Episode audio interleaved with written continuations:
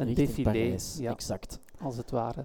Dus eh, het is de laatste kans om eh, nog eens eh, stevig van Jetje te geven. En dat zijn ze ook aan het doen, hè, Lennart. Ze zitten ontzettend eh, snel te rijden, al een hele dag eigenlijk. Ja, absoluut. Een vrij lange etappe eigenlijk ook. Van eh, 207 kilometer van uh, Mourant naar Libourne. Helemaal door de Landes. En dat is een redelijk ja, vlak gebied. Dus je kan daar ook wel wat snelheid maken. En dan zeker als er zoveel nervositeit is als vandaag. Het is zo dat we Ja. in eh, de beginfase al eh, vroeg een val hebben gezien. Waardoor er eh, op kousenvoeten eh, zes renners waren weggereden. En dan dacht je, die gaan de, de kopgroep van de dag uitmaken. Maar dan kwam er een grote tegenaanval van 14. Die zijn er dan bijgekomen, zodat er nu 20 eh, leiders vooraan rijden. Maar daarachter in het peloton waren er dan toch een paar ploegen die dat niet zagen zitten. En die zijn nu nog eh, hard eh, aan het eh, achtervolgen. Maar ik vermoed dat ze zo meteen toch de handschoen gaan moeten gooien. Want twee minuten is nu al dat verschil. En ja, tegenover die 20 renners, die gaan niet stilvallen. Nee, effectief. het zitten ook een aantal hele sterke mannen vooraan. Een paar ook die al een etappe gewonnen hebben. Zoals onder andere Matej Mohoric en Niels Pollitt, die zitten erbij. Maar ook een aantal landgenoten, waaronder Jasper Stuyven, Edward Teuns en Brent van Moer. Ja, echt ook, een eh, eh, interessante groep. Hè? Ja, ja, er zitten nog wel wat eh, sterke renners bij. Ik denk maar aan een uh, Turgis of een Casper Pedersen. Dus ja, Ballerini is ook mee, Ja. de man van de Koning Quickstep. Ja, dus die hoeven ook al niet meer te rijden daarachter. En dan is dat eigenlijk toch de voornaamste ploeg, die een beetje de kingmaker van de ontsnapping vandaag zouden we kunnen zeggen, de koning. Dus ja, ik verwacht dat we straks met die twintig eh, mannen in Libourne een eh, strijd gaan krijgen. Ja, en over de Koning eh, gesproken, wij zitten hier weer in eh, Brouwerij de Koning voor de voorlaatste keer. Het is zo dat wij hier morgen ook nog eens zitten. We zijn blij dat we terug zijn. Ja, inderdaad, het was een tijdje geleden, maar we gaan hier toch een beetje kunnen afsluiten. En ja, ik zei het al, 19e etappe. En dan zijn we al zo lang bezig dat dat wel eens slachtoffers durft te eisen. Daar zeg je zoiets. Ja, vandaag is het Willem, onze vaste toetsenist eh, Willem Malvliet uit Hamme, die eh, helaas te kampen kreeg met eh, maagklachten. Maar gelukkig eh, werden wij al heel gauw gedepaneerd. dus Ja. eh, welkom eh Kobe van Olmen. Dag Kobe, Hallo, dag. van harte welkom. Dankjewel. Bedankt ook dat je zo snel bent kunnen ja, inspringen. Dat je de toetsen eh, meester hebt gemaakt en ook eh, de technische bagage hebt meegenomen. Dat is graag gedaan. Ik, ik kijk er alvast eh, heel erg naar uit, naar deze iets wat eh, bijzondere aflevering. Ja, inderdaad. We krijgen straks nog een extra gast eh, hier aan tafel, maar die is dan weer onderweg met eh, de trein. Dus eh, we gaan het eh, ja, gewoon alvast beginnen volgen. Ja, blijkbaar heel veel hinder eh, bij het spoor. Ja, en eh, in het eh, zuiden van het land is dat natuurlijk begrijpelijk met wat er allemaal gebeurd is. Ja, het is echt een nationale ramp die zich daar heeft eh, afgespeeld. Dus ja, we zijn met onze gedachten ook een beetje bij die slachtoffers vandaag. Ja, ik zag dat, eh, ik denk dat het uh, Wanty Gobert was, Intermarché, die rijden rond ook met een rouwband vandaag. En Philippe Gilbert, die had ook al een, mooie actie opgezet van een donatie van dingen aan... ehm, Ja, kleding onder Ja. andere. Ja, aan eh, ja, getroffen gezinnen, want je moet het maar voor hebben natuurlijk, dat heel je kleerkast begint te drijven en dan is het toch eh, allemaal bijzonder onaangenaam. Ja, ik zag gisteren een aantal foto's van eh, oudere mensen die eh, tot aan hun middel in het water stonden. Dat zag er toch allemaal vrij gruwelijk uit. Ken jij mensen in eh, Wallonië kopen? Eh, ja, een paar, maar ik weet dat zij op een, eh, een hoger gedeelte eh, woont, nabij Namen, dus zij is niet getroffen, gelukkig. Ja. En jullie? eh, Goh, ik, eh, ja, mijn contacten over de taalgrens heen, die zijn eh, redelijk beperkt, zo blijkt. Ja, ik ken er een paar in Henegouwen, maar dat is niet eh, de regio waar het zo, eh, zo lelijk gedaan heeft. Ja, Maar goed, Ja. terwijl we hier nu een beeld zien van het peloton waar, eh, als ik dat goed heb, de rust een beetje is eh, ingetreden. En Ja. dat zou er dan op kunnen wijzen dat die vlucht nu definitief vertrokken is. Eh, meer dan drie minuten hebben ze. Dat gaat eh, nu snel beginnen oplopen waarschijnlijk. We zien de mannen van de Emiraten. Ja. Die weer vooraan zijn komen postvatten. Dus die lossen dan die van Israël af, die een beetje aan het spartelen waren. Die misschien gedacht hadden om André Greipel vandaag nog eens te lanceren. Kruipel die ook jarig is, dus een gelukkige verjaardag. Ja, dat is een, eh, een mooie dag om te verjaren tijdens de Ronde van Frankrijk. Ja. Hij zal dan wel eens een etappe gewonnen op zijn verjaardag, vermoedelijk. Hè? Zou het niet? Ah, dat zou zeker kunnen, kunnen, hè. ja. Kruipel die toch eh, heel wat toeretappes eh, gewonnen heeft. Ja, kijk, en dit is nu het moment waarop ze ook beginnen plassen enzovoort. Dus het zit met de vlucht wel goed. Dan gaan we eh, het straks ook daar nog over kunnen hebben wie dat er van die twintig mannen vooraan eh, nu de beste papieren heeft. Nou, je zei het al, er zijn een paar eh, ploegen bij die eh, meer volk in de vuurlinie hebben. En ja, toch vooral trek met Bernard, Stuiven en Teuns. Ja. Ik eh, vermoed dat die een belangrijke rol gaan spelen straks. Je hebt ook Clark en eh Walscheid en eh, Valgren en uh, Roach. Dat zijn eh, de ploegen die eh, meer volk vooraan hebben. Weet jij wie er de punten heeft gepakt aan de tussensprint? Is er daar nog eh, strijd geweest tussen Matthews en eh, Cavendish en anderen? Ja. We hebben het in de hectiek een beetje gemist, omdat we dus onze ja, vaste technieker slash muzikant slash manusje van alles eh, gemist hebben deze ochtend. Het zijn Matthews en Colbrelli blijkbaar die een paar puntjes hebben kunnen sprokkelen. Ja, zoals eh, zo vaak deze tour. Ze zijn dan toch niet mee, eh, Matthews en Colbrelli. Nee, waarschijnlijk had Quickstep dan wel eh, Ja, gereden. Ja, blijkbaar na die valpartij was het ook uh, Tadej Pogacar die eh, naar de kop van het peloton reed en de rest tot kalmte aanmaande. Dus zitten we met een nieuwe boss in het peloton. ja ehm, hij heeft die status ondertussen wel verdiend, zeker. Ik denk het wel. Het is ook zo dat eh, Eddy Merckx deze ochtend eh, aanwezig was in eh, de Ronde van Frankrijk. En dat die eh Pogacar heel veel succes wenste. Ja. En dat hij ook wel zei van, dit zou best wel eens de nieuwe kannibaal kunnen zijn. Stel je voor. Ja, ik zei het gisteren ook al over Cavendish, maar voor mij hoeft het ook niet dat, dan die, dat er zo'n leidersfiguur is die bij machten is om de boel land te leggen. Ja, in principe zien we dat Ja. liever niet. Nee, Het doet wat denken aan eh, Mario Cipollini. Ja. En Armstrong ook. iedereen heeft toch het recht om eh, aan te vallen wanneer hij dat wil, zou ik denken. Ja, het is natuurlijk niet eh, super collegiaal wanneer er net een aantal renners tegen de vlakte zijn gegaan. Nee, Maar goed, goed. maar dat is dan weer iets anders. Ja, dat was wel degelijk het geval. Hè. Er was die valpartij en dan was het denk ik Kwiatkowski die probeerde weg te rijden. Dan was het de Pogacar zelf die ging zeggen van doe eens even rustig aan. Ja. Ja, op zich. Ja, Koers en, is eh, koers. Kopen van eh, welke plannen hebben wij eh, vandaag eh, allemaal afgehouden met eh, ja, onze vraag aan jou om eh, vandaag hier aanwezig te zijn. Goh, geen grootste plan. Ik ging nog eens lang lopen. Ah ja. Ja. Ging je ook naar de Tour kijken? Eh, nee, ik, ik vrees ervoor.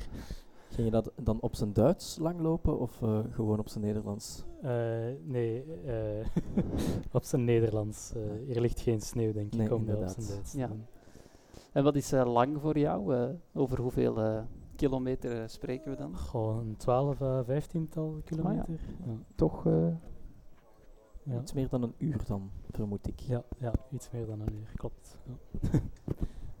Want ja, terwijl wij gisteren in de moeskop eh, in de regen, alleen beschut voor de regen, aan het werk waren, stond jij gewoon eh, op het land. Ja, correct. In de, in de gietende regen, dat was eh, lang geleden. Maar het heeft wel deugd om nog eens eh, in de regen te staan. Ja, was je niet pomp af op het einde van de dag? Ja, ik was eh, half dood. Ja. Ja, want het vreet toch energie, neem ik aan. ja, dat is ook een reden waarom jullie eh, eh, vaste toetsenist er vandaag niet is. Hè? Ja, die had gisteren een hele drukke dag. eh, is helemaal nat geregend. En, ja, eh, we hebben dat verhaal gisteren ook eh, meegekregen. ja. Het was inderdaad toch van de meelijwekkende aard wat hij allemaal had meegemaakt. Maar we, ja, we wensen hem een, een goede rust toe.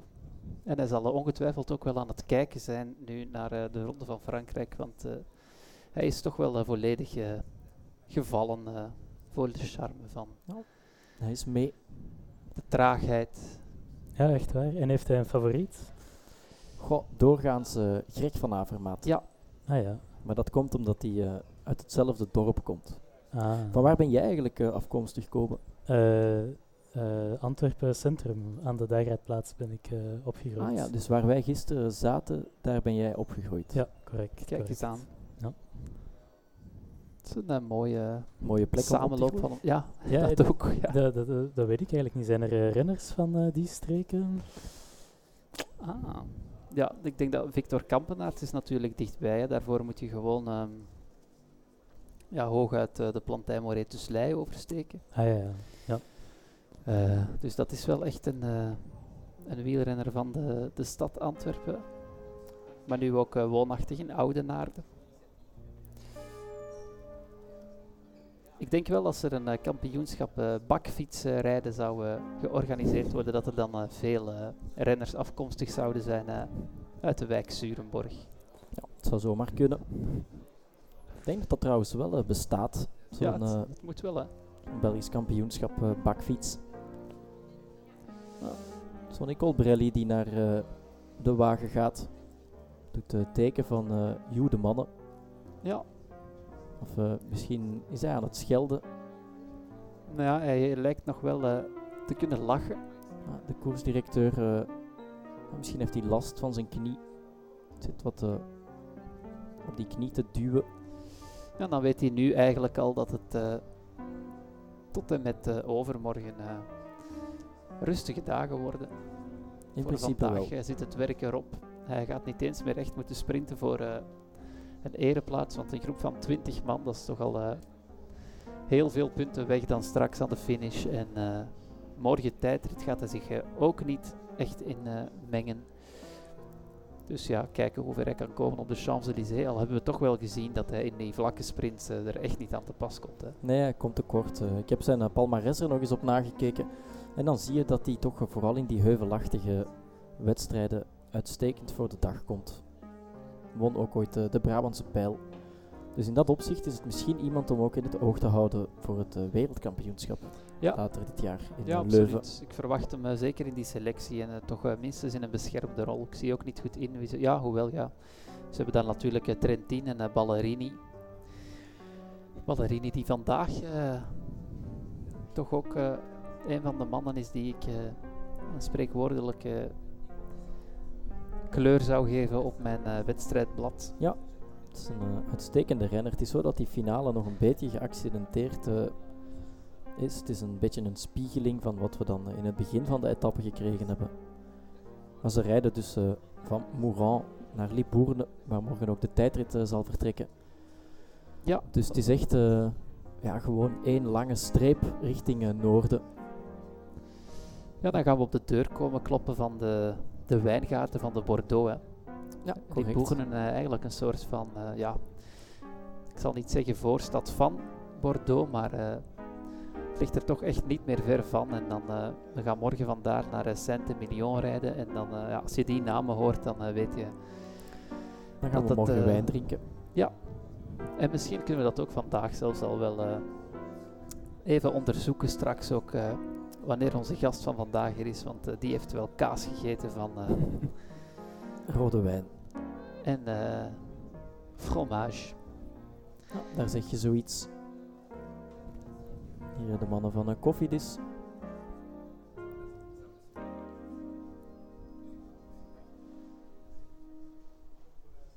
Ja.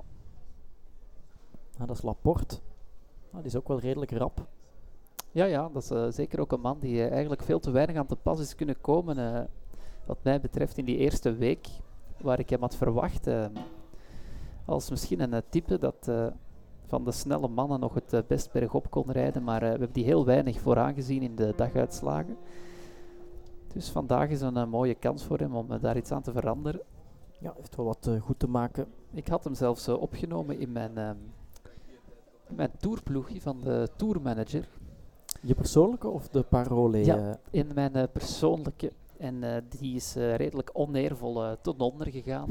ik moet zeggen dat de score daar eerder aan de lage kant ligt. Maar over die van Parole gesproken, daar hebben we wel een leuk nieuwtje over vandaag. Ja, zeg maar Lennart. Ja. Ik zal misschien een tip geven. Ja, ja. Ik heb vandaag een, een gele trui aangetrokken. Ah ja, dat heeft er dan mee te maken dat wij in onze mini-competitie naar de eerste plaats zijn uh, opgeschoven. Ja. tegen het einde van de ronde. We doen eigenlijk een beetje hetzelfde als uh, Tadej Pogacar vorig jaar. Ja, inderdaad. Met een En, eh, ultieme versnelling. Het is toch ook niet in het minst de transfer van Jonas Vingegaard die ons helemaal naar boven heeft gepiloteerd. Dat was een uitstekende zet. Ja. Had er alles mee te maken dat hij natuurlijk over een eh, prima voornaam beschikt.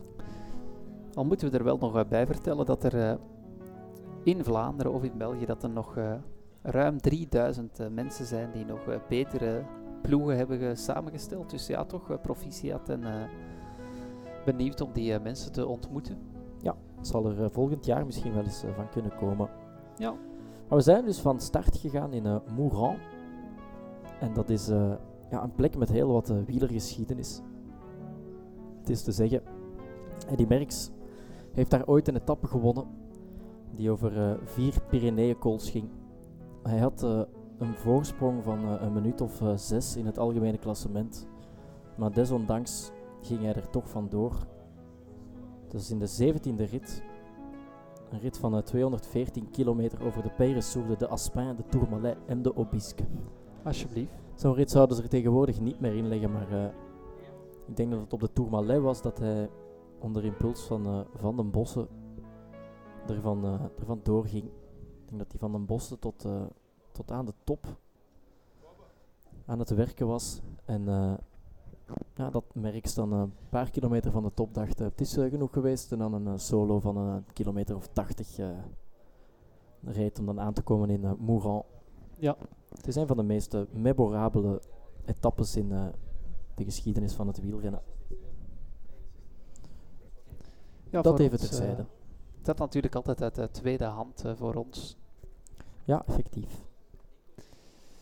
Maar ze worden steeds schaarser ook, hè, de mensen die het eh, zich echt nog kunnen herinneren, die eh, exploten van eh Eddy Merckx. Ja. Een eh, uitstervend ras. Ja. Nou, Pogacar die eh, onderweg is met een eh, geel gelakte Colnago.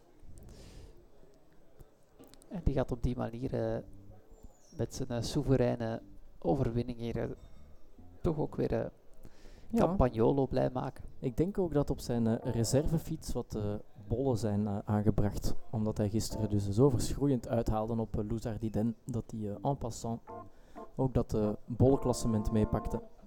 En passant, dat is het, eh, het juiste woord. Het is eh, redelijk eh, fenomenaal, maar het is niet uniek, want ja, ik zei het daarnet al, die Eddy Merckx in de Tour van eh, 69, die won die Tour met, wat was het, 18 minuten voorsprong, iets minder. Hij behaalde in die Tour zes ritzeges, won het puntenklassement, het bergklassement, de combiné en de prijs voor de strijdlust. Ja, En zijn ploeg Faima die won dan ook nog eens het eh, ploegenklassement. Dus eh, van de tegenstand eh, werd werkelijk geen Spaander heel gelaten. nee. Ja, en over dat ploegenklassement gesproken.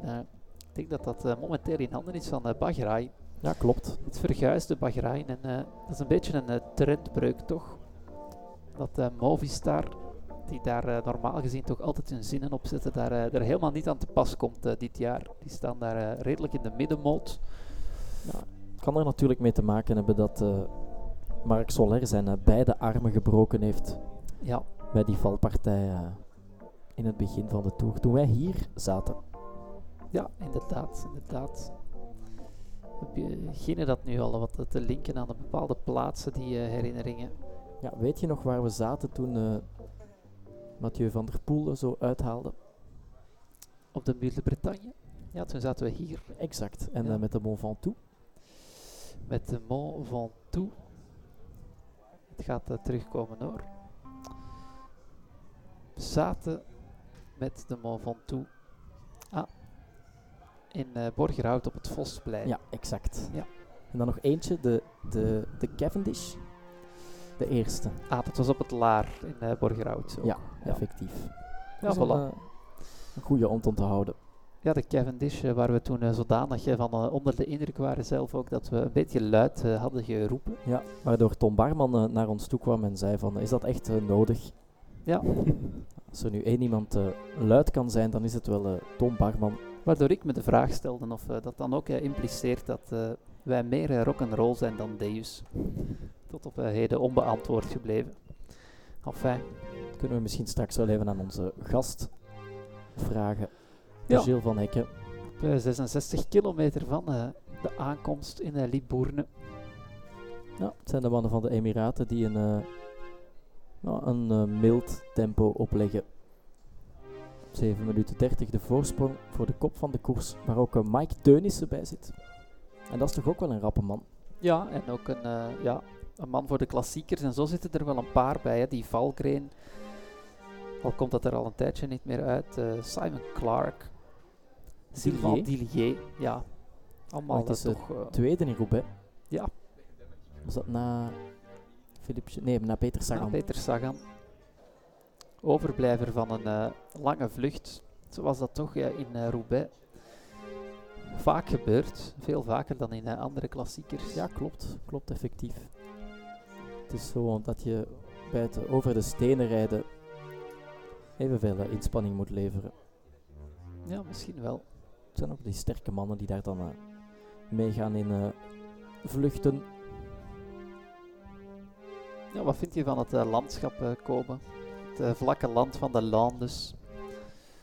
Is het iets wat jou kan bekoren? Goh, uh, ja, zeker. Waar in uh, Frankrijk is dat?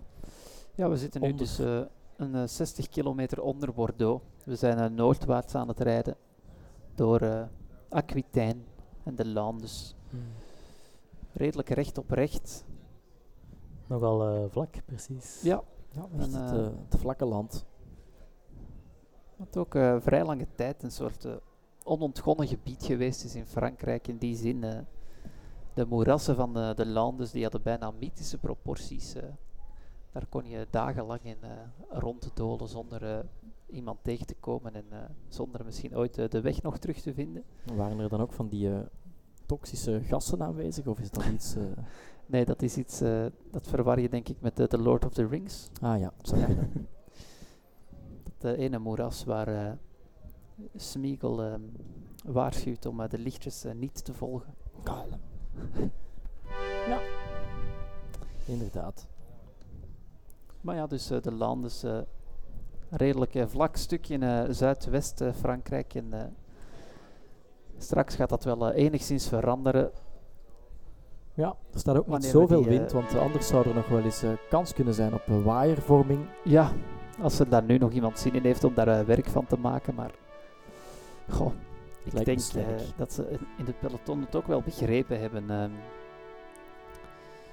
het is ook zo dat er zelfs in die tijdrit morgen, als we daar nu heel eerlijk over zijn, uh, ook niet heel veel meer op het spel staat.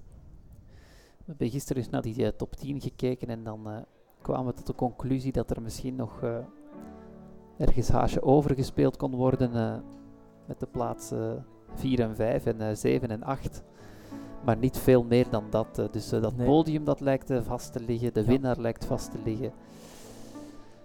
Ja, Carapaz die gaf zelf ook aan van, ja, ik ga niet sneller zijn in die tijdrit dan uh, Vingegaard. Nee. Dus die neemt vrede met een derde plek. Ja, het lijkt me ook een realistische inschatting van de kwaliteit van hemzelf in de tijdrijden en vooral ook van uh, Vingegaard die toch zich daar al bijzonder sterk in heeft getoond. Die ook ja. uh, top 10 plaatsen versierde in die vorige tijdrit nog in, uh, in deze Tour. Was ook in uh, de Dauphiné toch aardig onderweg. Ja. jij staat in contact met Gilles, klopt dat? Ja, ik heb een, een berichtje binnengekregen van Gilles van Hekken.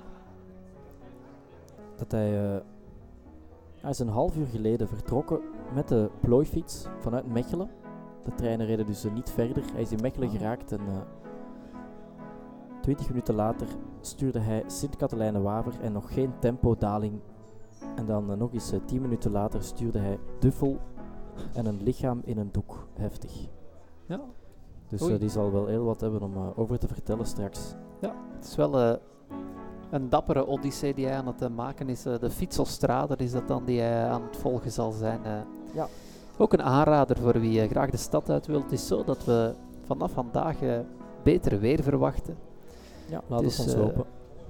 Ja, wie dan graag de Tour wil vervangen door zelf fietstochtjes te maken, dat kan zomaar. En ja, die fietsostrade. We zullen er straks eh, nog eens een eh, woordje over spreken dan. Ja. Ja, en ook eh, wij zijn terug eh, beschikbaar vanaf volgende week om eh, mee te gaan fietsen. Dus eh, als u eh, ons eens in eh, persoon wil ontmoeten, dan moet u maar gewoon een berichtje sturen.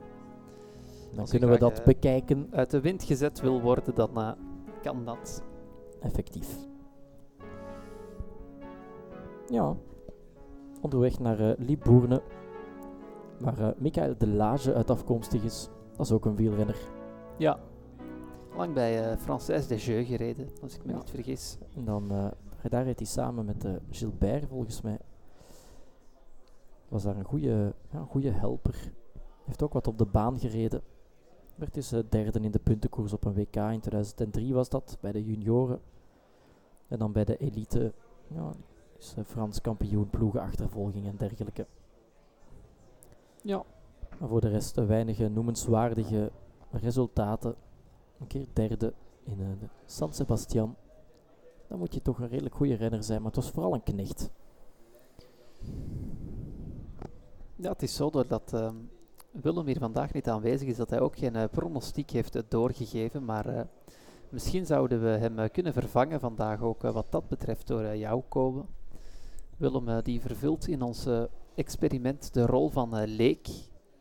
En jij gaf ook al aan dat je vanmiddag waarschijnlijk niet naar de koers zou kijken als je hier niet zou zijn. Dus denk dat we jou ook wel om een gokje kunnen vragen voor vandaag. Wie eh, deze etappe zou winnen? Ehm, God, het is een, eh, een vlakke etappe, hè? Ja. En eh, Cavendish, Cavendish doet nog mee. Ja. Dan gok ik op Cavendish. Oké, een mooie eh, keuze. Mooie keuze. De kans is redelijk klein dat hij gaat winnen, maar het is een mooie keuze. En eh, waarom is die eh, klein? Wel omdat ze dus op eh, 61 kilometer van het einde zijn. Tenminste, de kopgroep van Oei. eh, 20. en eh, Cavendish hangt eh, een kleine 9 minuten Aha. verder eh, in het peloton. Maar ja, dat kon je natuurlijk niet weten ehm, Nee. bij aanvang van de etappe. Nee, dat is waar. Dat Ik is denk waar. dat er wel meer mensen op Cavendish gegokt zullen hebben vandaag. Wij zetten onze geld in op Luka Mesgec, Ja, die er is, ook niet bij is. niet mee. Dus, het is zo dat eh Renaat Schotten zelfs helemaal geen pronostiek heeft eh, doorgegeven. Onze man op de motor. Nee, Renaat is moe. Dat gaf hij eh, gisteren al aan, maar dat is normaal ook. En dan ook Pro Cycling Manager gaat vandaag normaal gezien niet scoren. Want wie denken zij dat hier ging winnen, Jonas? Ja, Jasper Philipsen. Wat op zich wel mooi was geweest, maar hij is niet mee. En als je niet mee bent, dan kan je niet winnen. Zo simpel is het. Inderdaad. Ik ben trouwens benieuwd of er hier straks nog eh, mensen gaan toekomen die eh, in de running zijn voor onze bolkenstrui. Want wij zitten dus eh, in Stadsbrouwerij, De Koning, de City Brewery. En ja, wij hebben van hen een truitje gekregen. Een uh, bollekestrui met de bolletjes op in plaats van bolletjes. En die schenken wij dus weg aan de persoon die het vaakst aanwezig is geweest. En er zijn nog een aantal mensen voor eh, in de running. Het is daar een eh, redelijke close call. Dus eh, ja, alles zal zondag gespeeld worden. Inderdaad. Dus wat dat betreft is, is het in dat klassement nog wel spannend.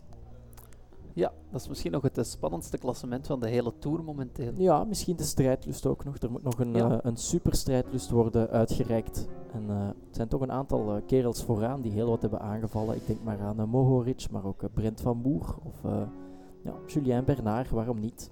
Ja, Ook, ik vind het geen evidente keuze dit jaar. Het is zo dat, Bonamour misschien? Ja, inderdaad, die vier namen zou je kunnen noemen, maar... Jij opperde gisteren om Ja. hem aan uh, Pogacar te geven.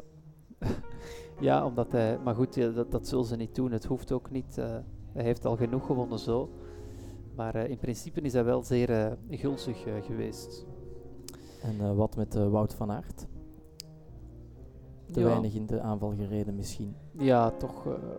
Twee keer. niet, ja, niet heel veel initiatief genomen, wat dat betreft misschien. Ja. Maar Maar eh, goed, ja, ik vond jouw voorzet eh, van Wout Poels ook nog niet zo gek. Ja. ja, of eh, Michael Woods, maar die is, er, die is er uitgestapt. Ja, dan gaat hij hem niet krijgen. Nee, die is er net als eh, Lopez uitgestapt. Het is zo dat eh, Woods er nog wat van wil maken op de Olympische Spelen. Ja. Nou, en hier eh, in het pel- peloton rijden ze nu 2 aan 2. Zijn ze gewoon wat eh, aan het babbelen. Waarover zouden eh, ze het dan hebben, Lennart? Eh, ja, misschien over ehm, wat ga jij eten eh, in Parijs? Dat soort zaken. Een soort eh, vooruitkijken naar. Of eh, ik weet niet, misschien zijn er ook wel een paar bij die eh, het vooruitzicht hebben van een weekje zonder fiets bijvoorbeeld na zo'n tour. En dat ze dan een beetje uitwisselen van ja, wat ga jij doen? Misschien zit er wel ergens een, een uitje in of een weekendje. Of, Ja. Worden er een natourcriteria gere- gereden dit jaar? Ik denk het niet, hè? Of wel? Ja, ik denk wel dat er zijn, maar ehm, in elk geval minder. En ik kan me toch ook voorstellen dat eh, de prijzen die daarvoor betaald gaan worden, want het is zo dat dat eh, in, eh, ja, in eh, zogeheten normale tijden, dat daar wel fikse bedragen voor op tafel werden gelegd om daar Ja, ja, de sterren van de Tour naartoe te halen. Ik denk dat dat nu moeilijker terug te verdienen is allemaal als organisator, als je met strenge regels zit. Ja, ik heb gehoord dat Philippe Gilbert in zijn wonderjaar, eh, dat is ook het jaar dat hij eh, San Sebastian won, dat hij toen eh, daags voor de Classica San Sebastian een uh, natour-criterium reed in Nederland ergens volgens mij. Dat hij dat criterium mocht winnen en dan na afloop zich helemaal kogeltje lam heeft gedronken. Dan hebben ze hem s ochtends met een heuse kater op het vliegtuig gezet S is ochtends hij nog. aan de start gekomen. En dan heeft hij die Klassica gewonnen. Dat is een eh, goed verhaal wel.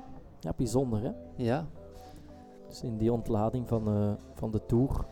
Ja, het doet een beetje denken ook aan die, eh, in een van die documentaires over Frank van den Broeke, wanneer het daar gaat over die Franse ploegmaat van hem. Hoe heette die ook alweer? Gaumont. Gaumont, Philippe Gaumont. Die op een gegeven moment ook voor de Ronde van Vlaanderen een hele nacht als het ware nog ging feesten. En dan de volgende dag wel eh, ja, beslissend was eh, in die wedstrijd daar eh, die koers volledig openbrak. Vanuit een kopgroep de boel aan flarden reed en dan tot hij uit de bocht ging. Op de Paddenstraat denk ik. Ja.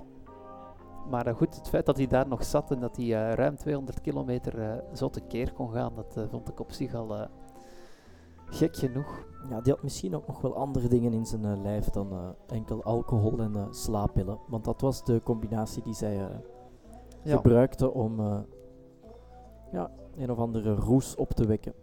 Ik zou het thuis niet proberen. Hier hebben we een beeld van Brent van Moer. Ja. Ik zou ook niet durven zeggen hoe groot het gat hier gaat worden, want de best geplaatste die staat op een uur en 18 minuten. Dus wat dat betreft hoeven ze in het peloton echt absoluut geen werk te maken van de achtervolging. Het zou kunnen dat het een eh, half uurtje wordt. Ja, Maar misschien eh, gaan ze dit tempo wel eh, houden. En komen ze binnen op een kwartier, wie zal het zeggen? We zullen het straks zien. ik krijg hier een beeld nog van het Château de Villandreau. Dat is redelijk vervallen toch. Ja. Ik vind het altijd wel indrukwekkend, die ronde torens. Ja, een typisch voorbeeld van eh, verarmde adel die eh, niet meer in staat is om eh, de bezittingen eh, te onderhouden. Moet ook bijzondere verwarmingskosten met zich meebrengen, denk ik. Ja, zeker zo zonder dak. Ja, inderdaad. Dat is toch het tegenovergestelde van dubbel glas. Voor de rest is het wel een, een mooi plaatsje waar ze op dit ogenblik doorrijden. Het peloton dan. De kopgroep is hier al wel even gepasseerd. Ja, en op deze manier eh, vliegen ze voorbij. En zo vliegen ook de dagen voorbij. De tour zit er eh, bijna op. Ja. Zijn er dingen die we, die we gaan onthouden voor de toekomst? Oh, nee, eh, direct Alles meteen alles, vergeten. me- alles meteen vergeten. We parkeren. Nee, ja, ik denk het wel. ik moet nu meteen denken eh, in de traditie van de Tour dan aan Mark Cavendish. En zeker als die er nog in zou slagen om een zondag een 35ste te winnen, dan eh, gaan we dat toch... eh, dan is dat misschien nog het meest opmerkelijke geweest aan deze Tour. En voor de rest is het, eh, wat Pogacar betreft, eh, een bevestiging van wat we al wisten. Ja. Misschien ook de gele trui van Mathieu van der Poel. Ja. Mooie etappezegen op eh Muur de Bretagne. Toen het allemaal nog moest beginnen. Inderdaad. Enfin, Zou het iets voor jou zijn, Koben, om in een eh, kasteel te wonen? Eh, moest ik het eh, geld bezitten om het te onderhouden? Ja, dan graag. Eerder een kasteel dan een tiny house. Absoluut. Ik, eh, een goede vriend van mij noemde het laatst nog de hel, een tiny house. ja, dat lijkt me... Ja, qua, qua claustrofobisch. Ja, ja. Ja, hangt er natuurlijk vanaf. Hè. Je kan ook een, eh, een tiny house hebben dat eh, niet eh, super tiny is. Maar als het op een, een trailer moet passen, ja, dan is dat toch redelijk... ja, dat is een van de dingen die wel moeilijk. meespeelt. hè. Die, die bepaalt een beetje de, de maximumgrootte van het tiny house. Dat, je moet Ja. ermee de, de openbare weg op kunnen als je het wil verplaatsen. En het is zo dat veel tiny houses, of voor zover ik daarin mee ben, dat die niet het volledige jaar eh, op eenzelfde plaats mogen staan. Dus dat Ah, werkt met een soort eh, seizoen dat die dan eh, een maand of acht je ergens mag zetten, maar bijvoorbeeld niet in de winter. Dus dan moet je je, je huis ook kunnen verplaatsen. Maar wat is dan het verschil tussen een, een tiny house en een caravan? Ja, een, een, tiny house heeft denk ik veel meer verschillende vormen en mogelijkheden dan Ah, ja. de klassieke caravan. Maar in principe is het hetzelfde concept. Je zet het op een trailer en je kan het overal eh, neerpoten. Ja, ja, eigenlijk wel. Nou, dat lijkt me wel. Maar goed, We hebben hier een beeld zien van een, eh, zone waarin het eh, de redders is toegestaan om hun afval weg te gooien. Dat daar kan is je dan, zien aan dat vuilbakje hè, dat ze daar Ja. in beeld brachten. en zij hebben dat dan ook gezien, want ze beginnen dan eh, massaal hun zakken leeg te maken. En daar staat ook heel wat volk om een paar van die relicten op te rapen. Ja, van die eh, lege gelletjes. Altijd leuk. Ja. Ik zal eens kijken of we ondertussen nog een eh, bericht hebben binnengekregen van uh, Gilles van Hekken. Ik gok op eh Contig. Kontig lint, zei hij. Contig Lint, ja. Waar ook eh, grote televisiestudio's zijn.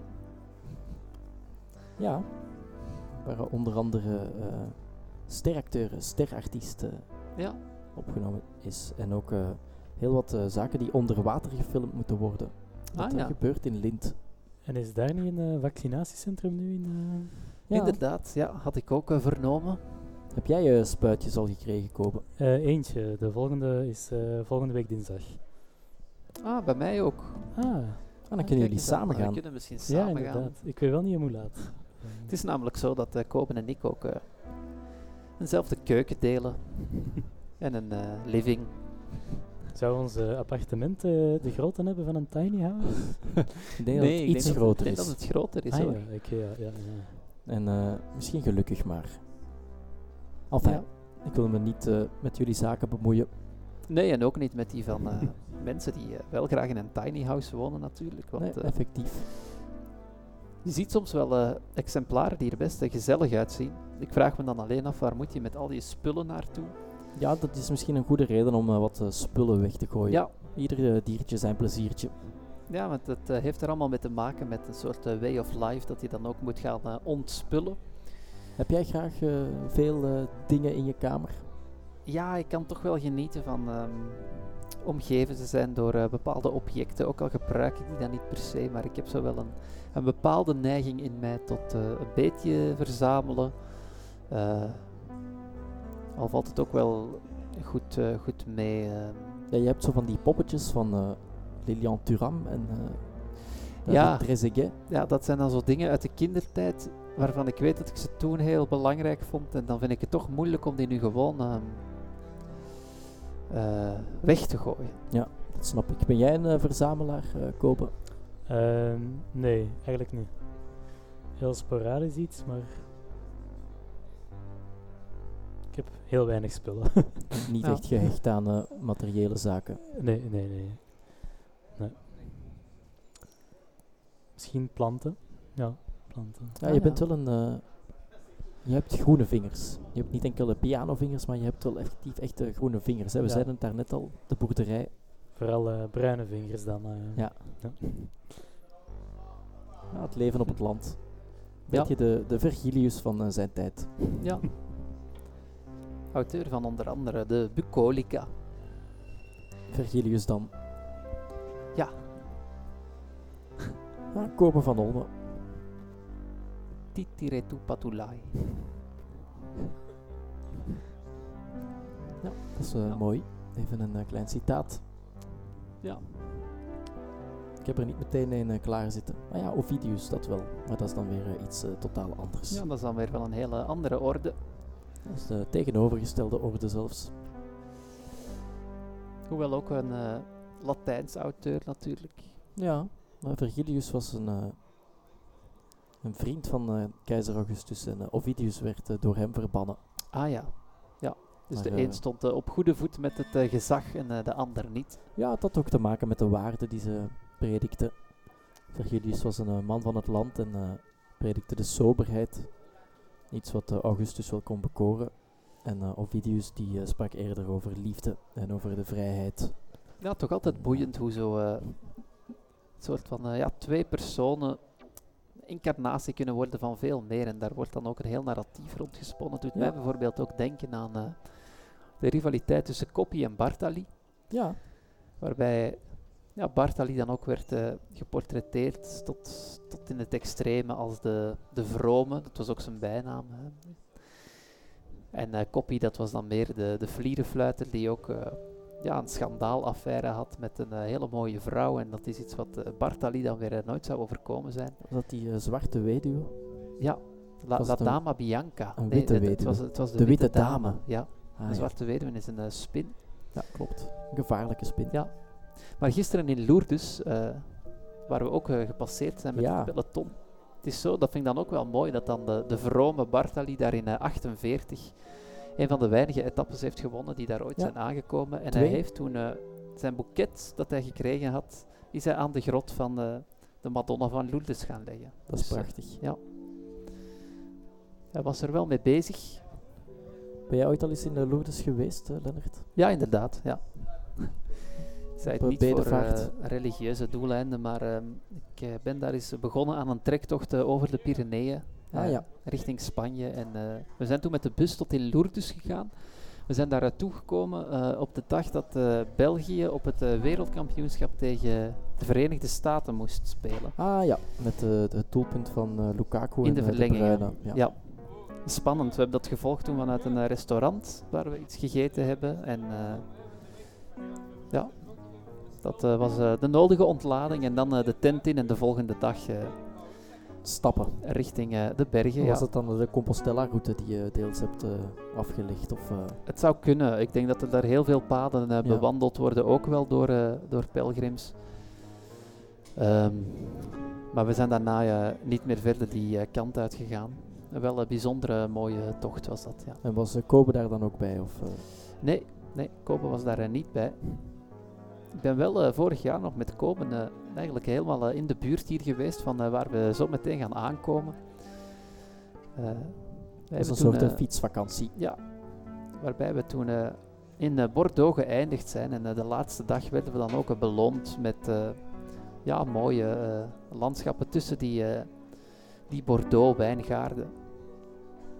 Ik moet dat zeggen dat mooi. die, ja, we waren er de hele dag op aan het wachten. Het is een beetje zoals je nu kijkt naar eh, dat beeld en eh, het is nog eh, vlak.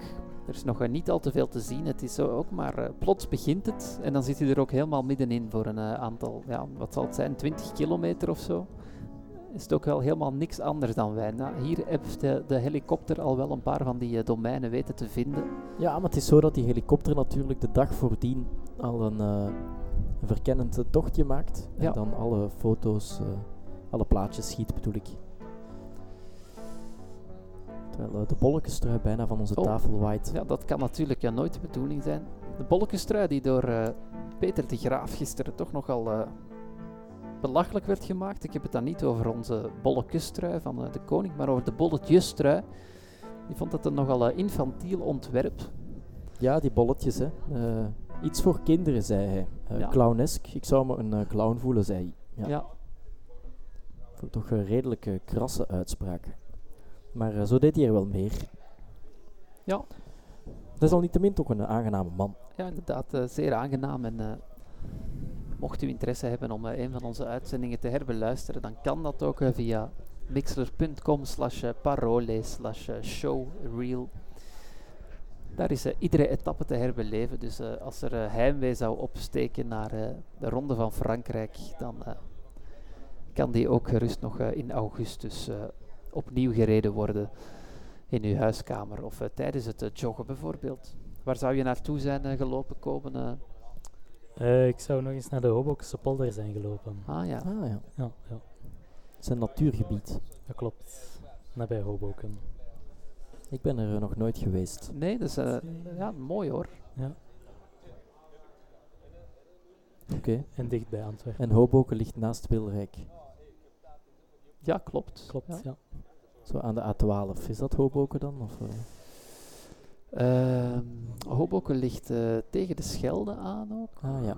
ja. Um, dus de A12 weet ik niet of ze daar. Nee, nee, dat is Wilrijk dan. Nee. ja. Ik denk dat Hoboken dan tussen Wilrijk en de Schelde ligt. Ja, ja. ja ik, kan het, uh, ik weet het zijn. Ja.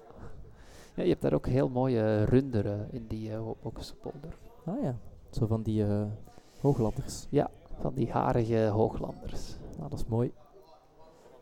Over uh, hooglanders gesproken, we zien een beeld van een Philippe Gilbert die geïnterviewd wordt voor de start. En uh, dan ging het ongetwijfeld over die uh, vreselijke overstromingen. Het is wel zo dat de familie van Philippe Gilbert iets hoger woont hoger gelegen dan, maar het, uh, ja, de straten en dorpen in uh, Ewai, waar hij vandaan komt, ja. aan de voet van uh, Larredoet, ja, die staan ook wel blank allemaal. Dus dat zijn uh, toch ja, echt tragedies eigenlijk. Ja, terwijl we hier nu in de kopgroep een eerste aanval krijgen, en ik denk dat het Stuiven is die er een lel op geeft. En dan gaan we toch even kijken, want het is zo dat in de vorige etappes die uh, ja. uitdraaiden op een strijd tussen de vluchters, dat daar vaak uh, degenen die uh, van begin af aan bij de les waren, dat die ook vooruit bleven. Er wordt op gereageerd door Elie Gesbert, meen ik. Ja, ook Brent van Moer heeft nog wel zin om Dan, mee te rijden. Zimmerman aan het wiel van Van Moer. Ook Laporte zit daar met Valkrein of uh. Ja, het is al eens uitdunnen en op deze manier ja, spelen ze het uh, ploegenspel. Hè, want dan kunnen Teuns en Bernard uh, zich laten meeglijden. En eventueel ja. straks, wanneer het stilvalt, zelf nog eens proberen. Want het lijkt er wel op dat ze allemaal nog samen zullen blijven. Ja, trek dat natuurlijk een beetje. Je moet zien hoe ze dit gaan uitspelen. Want dat ze daar met drie vooraan zijn is in principe een voordeel. Maar kan er ook voor zorgen dat de anderen naar hen gaan beginnen kijken. Het bord gaan willen leegeten van de mannen van dat team. En Laporte die nu het doorzet. Ja, effectief. Het is toch nog niet helemaal met de volle zin. Pedersen komt ook uit de achtergrond. Een sterke beer. Ja. Winnaar van Parijs Tours vorig jaar. Niet te verwarren met de Tour die in Parijs, enfin. Ah ja. Ik zag wel dat er ja, een extra uitzending van het uh, journaal gepland staat. Dus we zouden misschien eens moeten kijken of uh, de zender uh, verzet kan worden naar een canvas. Maar ik zal dat binnen even gaan vragen. Ja, dat is goed.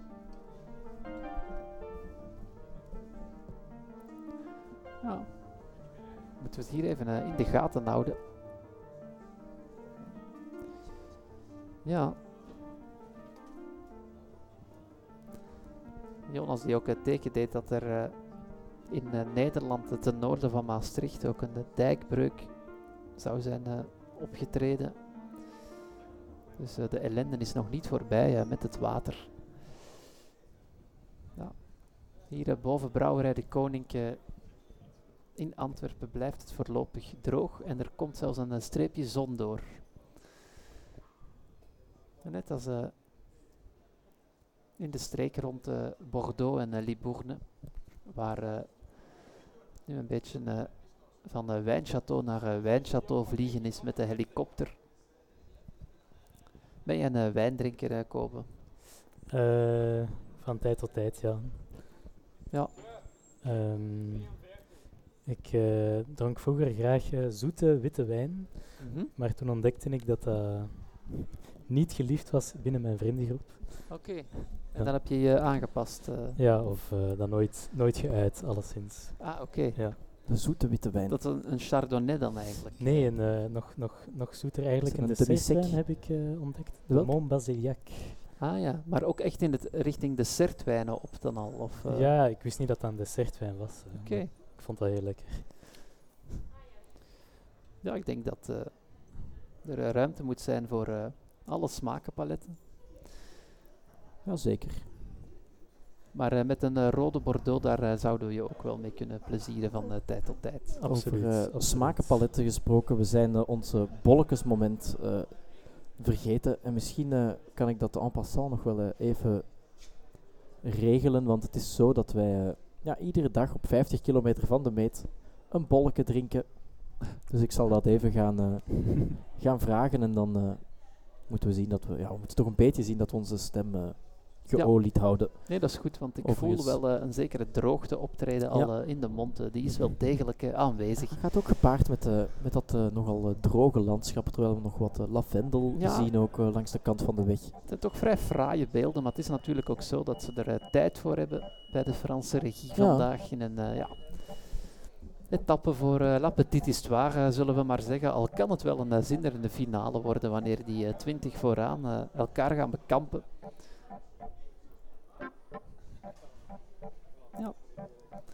En voor eh, Gilles van Nekke gaat het hier nog een eh, race worden om eh, voor de renners binnen te zijn. Maar het gaat normaal gezien wel lukken, denk ik.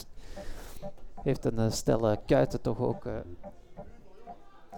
waar hij wel wat kracht mee kan zetten. Aanval Ballerini nu met Valkrein.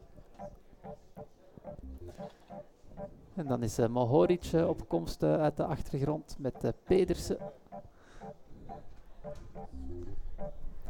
Ja, Valkrein die dan eh, vraagt om een overname. Ballerini die gaat eh, inderdaad eh, overnemen. Casper Pedersen die nu alleen wegrijdt van de rest. En dan zou dat wel eens een bijzondere sterke drietal kunnen worden op die manier. En Mohoric die even opzij kijkt. En dan tegenreactie in het kamp van Trek is dat Edouard Teuns die daar probeert de sprong te maken. We zien ook Dillier opschuiven. Nerveus gedoe nu toch wel. Ja, ze weten dat dit eh, wel eens het moment zou kunnen zijn waarop er dan eh, ja, een schifting wordt gevoerd. Ja, we krijgen over een kilometer of vijf En ook nog het, wel een eh, eh, iets langer knikje. Is het stuiven die mee is? Of is het, Het is, stuiven, ja. Het is stuiven, dat is, dat is goed. Sterke beer Ik, Leuven. Ik vermoedde Teuns, omdat de Stuiven dan net al een eh, cartouche verschoten had, maar die is dus wel degelijk in orde. Ja, lijkt mij ook wel de uitgelezen man. Ja. Met de Ballerini die eh, niet eh, achterom kijkt, die nu vol doorgaat. Dat moeten ze ook doen, eh, met vier elkaar vinden. Zijn alle vier ook zeker niet traag. Ja, die, ja nee, effectief. Ballerini Blijft winnaar het, eh, van ja, Laporte die ook nog mee wil, die voelt dat hij misschien een belangrijke boot gemist heeft. Dan is het Van Moer die daarachter zit. Maar wie kan het dan helemaal doorrijden? Ah, die is aan het ronddraaien met Zimmerman. En Mohoric. Ja, en uh. Polit daar eh, onmiddellijk achter. Dan zijn allemaal sterke beren. Terwijl wij hier nu eh, voorzien worden van eh, een klein bolletje. Ja. Een prinsje, zoals ze dat vroeger zeiden. Maar nu is het dus ook zo dat de koers inderdaad de plaats heeft moeten ruimen voor een extra nieuwsuitzending. Ik vermoed dat daar zo meteen wel naar Canvas zal overgeschakeld worden. Ja, ik heb dat alleszins aangegeven. Ze gingen dat voorzien, maar het is zo dat het hier ook eh, aardig vol zit. Dus eh, Ja. first things first. Inderdaad. Maar misschien kunnen wij dan eh, Voorzien worden. ondertussen wel, want wij hebben natuurlijk ook onze dagelijkse verplichtingen te volbrengen. Ik eh, begrijp waar je naartoe wil. Ja. Heb je zin om een, een cirkeltje rond het bolletje te trekken? Ja, ik heb inderdaad, ik heb mijn stem een heel klein beetje kunnen smeren nu. Het is zo dat jij eh, gisteren de naam van Cyril Bart Ja. uit een hoed hebt gehaald. En dan heb ik eh, daar een cirkeltje omheen getrokken dat ik eh, ja, jullie niet wil onthouden. Als je computer meewerkt natuurlijk. Inderdaad. kan wel eens gebeuren dat er wat mechanische defecten voorkomen. Ik kan ondertussen wat eh, commentaar geven op eh, Michael van Drogenbroek. die er eh, redelijk moe uitziet. Het is zo dat hij onder zijn ogen een soort dubbele wal heeft. En ook nou, ja, wat rimpels in de vorm van een meeuw op zijn voorhoofd. Wel een heel keurig gestreken hemd. Ja. Een gesteven boord. Zou Annelies van Herk dat dan gedaan hebben? Of Ja, is Michael zo'n man die dat zelf doet? Ik zou het hopen dat hij het zelf doet. Ja. Het is toch eh, meer van deze tijd. eh. of eh, ja, wie weet is er ook wel een dienst daarvoor voorzien binnen de VRT. Enfin. Het zou zomaar kunnen. Cyril Bart is een Franse wielrenner die op 14 februari 1996 werd geboren in de gemeente Sauveterre de Béarn. Béarn, dat is de streek die zijn naam schonk aan de Béarnaise saus, waarin boter en eigeel een hoofdrol spelen. Eigeel dient niet verward te worden met eiwit, de heldere vloeistof die de gele eidooier in eieren omringt en in opgeklopte toestand luchtigheid kan brengen aan recepten.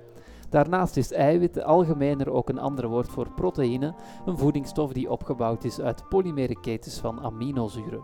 Aminozuren niet te verwarren met een race andere zuren zoals koolzuur, zwavelzuur en zure beertjes, die erg in trek zijn als een zoet snoepje voor onderweg, bijvoorbeeld bij het autorijden.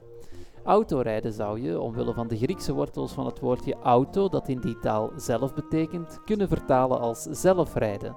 De meeste auto's echter rijden nog niet zelf, hoewel er hard gewerkt wordt om daarin verandering te brengen. Onder andere door het bedrijf Tesla van de Amerikaanse excentriek Elon Musk. Elon Musk dient niet verward te worden met de Canadese Rachel Cusk, een schrijver van essays en romans, wiens boeken ook bij ons de laatste jaren tamelijk goed over de toonbank gaan.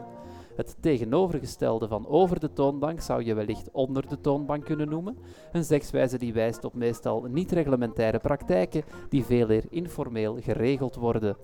Een voorbeeld hiervan is eh, smokkel, een woord dat in een klankgedicht gevolgd zou kunnen worden door het woordje kokkel, een tweekleppige weekdiersoort die in de keuken tot de zeevruchten gerekend wordt en bijgevolg is terug te vinden in bereidingen met name als frutti di mare en soms ook in pasta alla vongole. En dat is dan weer de favoriete Italiaanse primo piatto van verslaggever en wielerman Renaat Schotten, die voor zover bekend geen familiale banden heeft met oud-wielrenner of kortweg Briek Schotten. IJzeren Briek, zoals zijn bijnaam luidde, stond in zijn carrière onder andere acht keer op het podium van de Ronde van Vlaanderen en één keer als tweede op dat van de Ronde van Frankrijk. Frankrijk, dat is een groot land in Europa, dat bekende filosofen voortgebracht heeft als Jean-Jacques Rousseau, Jean-Paul Sartre, Simone de Beauvoir en Roland Barthes. Roland Barthes, niet te verwarren met de ex-doelman Fabien Barthes en evenmin met een op Valentijn geboren wielrenner die vast en zeker al eens graag een lekje Béarnaise saus over zijn eten giet. En kan je het raden, Jonas? Zou het eh, Cyril Bart kunnen zijn? Inderdaad, het is eh, Cyril Barthes. Ik twijfelde nog even tussen Cyril Bart en eh Aurélien Parepintre, maar het was dan toch de juiste gok. Dankjewel ook, Koben. eh. Prachtig deuntje. Ja. Schatplichtig aan eh, Willems uitgebreide muzikale kennis. Ja, schatplichtig ook aan Elisabeth Cotton. Exact. Een heel mooie YouTube-filmpje is daarover terug te vinden. Dat was een, een zwarte Amerikaanse vrouw. En ehm, ik denk dat ze van een hele lage komaf was, of in elk geval heel weinig geld had. En eh, ze had dan een eh, gitaar eh, gekregen, of, of gevonden, of gekocht. Maar ze was eigenlijk linkshandig. Eh, en ze had een gewone gitaar voor, voor rechtshandigen. Dus heeft ze zichzelf op een heel aparte manier eh, gitaar leren spelen. Met de hoogste snaar van onder. Ja. En de bassnaren dan eh, bovenaan. Vanuit haar eh, perspectief. Is er ook zoiets als eh, linkshandige piano's eh, komen? Nee, niet dat ik weet. Er zijn wel eh, piano, eh, stukken geschreven voor klassieke piano, enkel voor links, uit, uit linkse hand. Ja, Ja. ik heb onlangs op de Elisabeth-wedstrijd zo'n eh, Ja. stuk gezien. Maar dat, is misschien alleen uit de rechterhand, dat weet ik Ah, ja. niet. Vaak is het enkel eh, het linkerhand, omdat dat iets... Allee, de meeste mensen rechter, rechtshandig zijn. En dus ik vind dat wel altijd een grappig beeld. Want dan bengelt die rechterarm ernaast. Over bengelen gesproken. We zien hier dat eh, ja, de man van Quebec eruit moet. Als Clark, die bengelt aan het staartje. Ja, de rekker eh, lost. Ik denk niet dat hij nog eh, terugkomt. Ook eh, Mohoric hangt hier achteraan. Ja, net als Van Moer ook vrij ver weg. En dan is het eh Bonamour die vooraan is gaan versnellen. Dat is dat knikje waar ik het over had. Ja. En, dat is ook een pluimgewicht, die Frank Bonamour. Ja, heeft Jonas Roets mee. Ja, Dus ja, ze zijn eraan begonnen. Ze zijn hier eh, koers aan het maken. die Roets willen wij die is wel eh, serieus eh, bekken aan het trekken. Ja, hij is aan het afzien. Daarachter Ballerini met de Laporte in het wiel. En ook uh, Elie Gesbert zit daar nog. En Turgis. Ah, toch ook een taaie klant, die Ja, ja, ja, ja, ja, Turgis. ja. Ja, Gesbert gaat nog eens eh, verdapperen, lijkt het. Ah, die wil de sprong wel wagen. Ja, Van hier eh, Van Moer, dat is een beetje op. Dat is niet onlogisch Nee. natuurlijk, na drie weken. Want we hadden het erover eh, als het ging over onze pronostiek.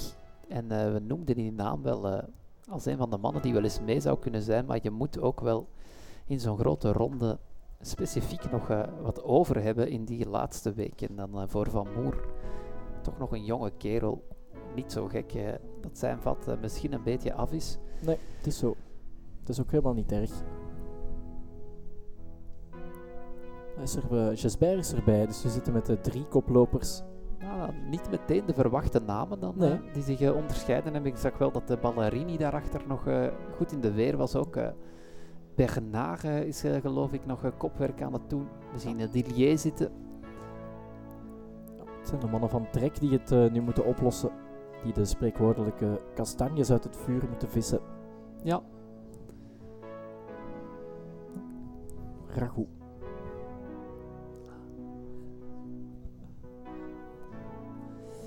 Hoe zou het ondertussen zijn met de Gilles van Hekken? ja ik vermoed dat hij eh, stil aan, eh, aan eh, Berchem eh, zal eh, zijn eh, aangekomen. Ja, dat is waar die fietsostrade vanuit Mechelen stopt. Ah, Gesbert. Toch wel redelijk goed in orde. Komt aansluiten en net meteen over. Ja, maar die Oh. kwam er al eh, redelijk door, moet ik zeggen, de voorbije dagen. En eh, die Bonamour, die eh, weet van geen eh, ophouden. Nou ja, het is natuurlijk zo dat ze nog geen al te groot gat hebben geslagen. Dus eh, geen tijd om te verpozen. Ze moeten van Jetje geven. En dat zijn ze ook aan het doen. Ja, terwijl we een soort eh 80s tune eh, te horen krijgen, die misschien eh, de iets eh, oudere renners in deze kopgroep nog kan eh, inspireren om eh, nog eens eh, alles uit het eh, vege lijf te schudden. Wie zijn hier eh, de ouderdomsdekens vooraan? Ja, Isaac denk ik dan. Izagirre, ik denk dat hij in zijn tijd ook wel wat eh, afgedanst zal hebben. Met zijn sikje. Ja, een eh, getrimd zikje. Een Spanjaard met de oog voor esthetiek. Kan je nagaan. Laporte die heeft ook een opvallend snorretje in die groep. Ik ben heel benieuwd in eh, wat voor eh, staat Hekken hier straks gaat eh, aankomen. Ja, ik vermoed eh, toch enigszins bezweet. Het is echt een, een tijdrit aan het rijden. Ja, Mohoric, over tijdritjes rijden Amai. gesproken, maar hij doet het wel met een hele sliert eh, renners aan zijn wiel. En dan is het bij Ballerini ook even van passen. Of is dat de nodige commedia dell'arte? Die gaat daar half van zijn fiets hangen als Mohoric hem vraagt om over te nemen. Het zou kunnen dat het echt van, eh, van passen is. Ja, maar dat allemaal ook nog wel op eh, 34 kilometer van eh, de finish. Dus die finale die is toch nog eh, lang niet gereden. We zien hier ook op het eh, profiel dat het zo wel wat voortdurend eh, op en af gaan eh, blijft in de komende kilometers. Het is eh, alles behalve evident terwijl er hier nu ook een, eh, een wind opsteekt. Dus laat ons hopen dat eh, de parasol niet tegen de grond gaat. Ja, dat zou eh, jammer zijn. Kan best wel wat eh, schade veroorzaken, zo'n eh, wegvliegende parasol. Ja, ook niet te verwarren met de Parepintre overigens. Nee. Nou, Ballerini die gaat nu eh, zelf eens Ja, ja, ja, proberen. ja. Dan eh, komt de reflex. toch eh, wonderbaarlijk gerecupereerd. eh. Dan is het voor het eerst Teunissen die nu ook eh, uit zijn kot komt. ja, en is alles dan weer samen op die manier? Ik eh, vermoed van het wel. wel op. Want dat is volgens mij nog eens uh, Roets die daar dan naartoe wil. Of is het eh, kort? Ah, een Valgren. Ah, Valgren, ja. Dat zou ook uh, Roets kunnen zijn hoor. dat lijkt me meer de stijl van Jonas Roets. Ja, Ballerini is dan toch bij de sterkere. Dan hoop ik dat hij niet te vroeg zijn kruid gaat verschieten, tenminste. Dat hoop ik voor hem. Verder heb ik zelf niet zo heel veel met Ballerini. Ah, kijk. Is dat dan Edward Teuns? Of is het weer eh, Jasper Stuyven? Dat lijkt me wel Teuns dan. eh, Ja, de camera beweegt, dat is, het valt eh, moeilijk te zien. Nee, het is volgens mij terug Stuyven. Het hoofd een beetje schuin. dan eh, Laporte, die nog eens doorzet. En uh, Mohoric alweer in het verweer. Die toch al veel werk heeft opgeknapt. Die zit daar ook helemaal alleen. Ja, het is nu echt een slag om slinger dat ze versnellingen plaatsen in de hoop eh, de boel wat uit te dunnen en met een aantal mannetjes weg te rijden, maar dat lijkt er voorlopig niet echt te lukken. En zo'n eh, eenzame onderneming van 32 kilometer aan het einde van drie weken, dat is toch niet voor iedereen eh, weggelegd. Nee, zo blijkt nog maar eens. ik denk dat er hier een paar bijzonder zijn aan het afzien. Nou, Laporte, die gaat even de strategie toepassen van een tijdje doorjassen en dan kijken wie er nog aan zijn wiel zit of zo. Hopen Ja. dat er een paar mannen terugkomen om dan op eh, die manier met een groepje. Ha, kijk eens aan. Over het terugkomen gesproken, Hier is dit de. eh, eigenste ogenblik. Bolte Gilles van Hekken hier binnen. Hij ziet er nog redelijk eh, fris uit. Ja, je ziet wel dat hij een eh, inspanning geleverd heeft, maar eh, hij lijkt me nog wel in staat om eh, nog een zinnig woord eh, mee te kunnen spreken over eh, de wedstrijd. Ja, van harte welkom Gilles. Plooi je fietsje maar op en eh, neem maar plaats. We hebben hier een, eh, een ton voor jou eh, voorzien. Alleen opletten dat je de tafel niet eh, omver eh, stampt in je enthousiasme. We gaan ook proberen doorgeven aan eh, de organisatie van de Tour dat wij eh, graag iemand willen nomineren voor de prijs van de strijdlust vandaag. En dat zou jij dan zijn. Kijk eens aan. Als ik het goed heb, is het ook de eerste keer dat jij deze koptelefoon mag eh, opzetten. Ja, Klopt dat, is, dat? eh, dat klopt, ja. Kijk eens aan. Wauw, zo officieel. Ja, want we kennen jou natuurlijk al Ja. als eh, onze vaste fromagier. Ja, dat klopt. Dat, eh, dat ben ik. Maar jij leidt natuurlijk ook nog een leven in een andere hoedanigheid. Ook dat klopt, ja. ja.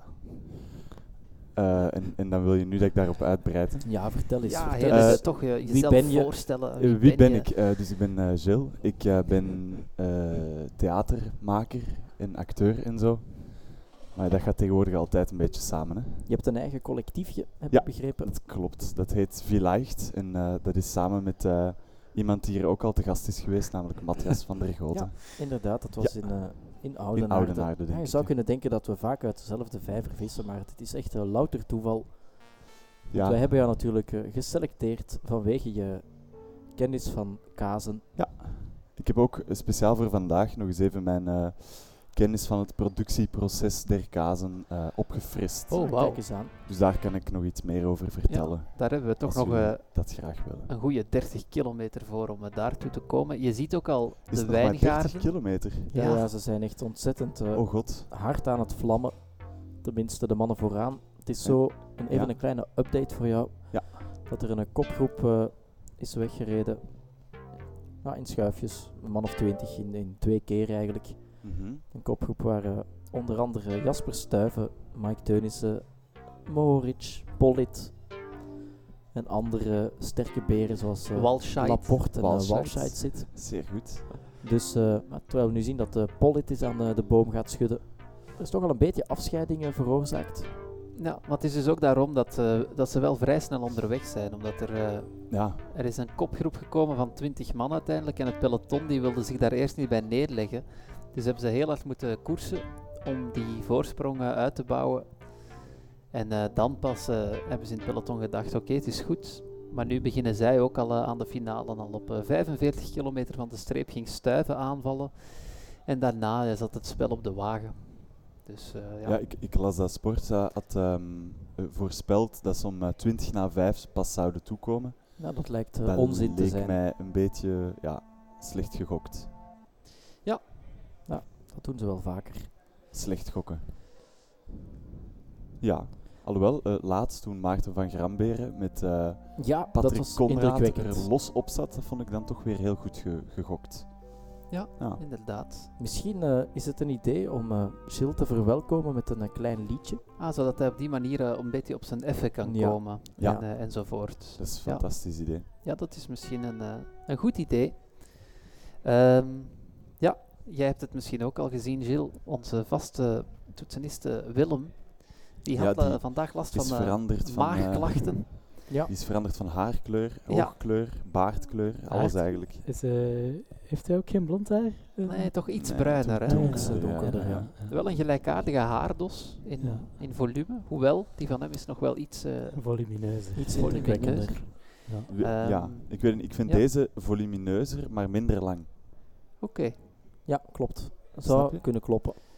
Hoe dan ook. eh misschien Prachtig haar, gewoon, eh, allebei eigenlijk. Hè. Ja, Is het daarop dat jullie jullie muzikanten selec- selecteren? Of? ja, ook op eh, beschikbaarheid Het is eh, natuurlijk. mooi meegenomen. Ja. Maar dus ook daarom eh, is er voor vandaag ook een, eh, een nieuw eh, nummer toegevoegd aan het, eh, aan het Franse repertoire.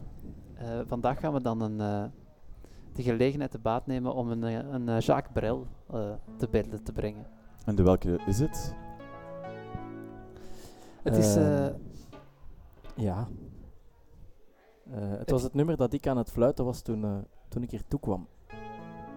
En dan hebben we maar... eh, herken je het al? Ja, ik heb eigenlijk kunnen spieken op de laptop. ah ja, oké. Ik heb dat, nummer ook. gezongen eh, op het eh, 50-jarig eh, huwelijk van mijn eh, grootouders. Ah, kijk eens aan. Want die heette Maria. Dat mijn grootmoeder Maria heet, ja. Het gaat over eh Marieke Marieke.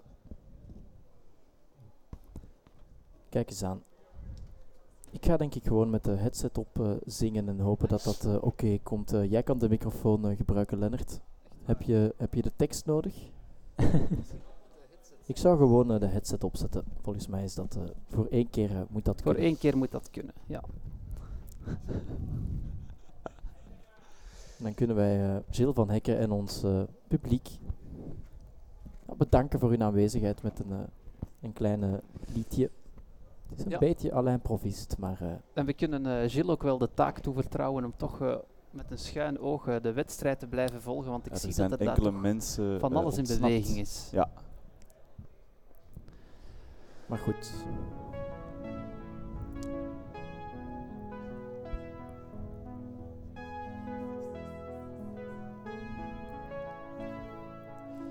Aïe, Marique, Marique, je t'aimais tant entre les tours de Bruges et Gand. Aïe, Marique, Marique, il y a longtemps entre les tours de Bruges et Gand. Zonder liefde, warme liefde, waait de wind, de stomme wind. Zonder liefde, warme liefde, weent de zee, de grijze zee. Zonder liefde, warme liefde, leidt het licht, het donker licht. En schuurt het zand over mijn land, mijn platteland, mijn Vlaanderenland.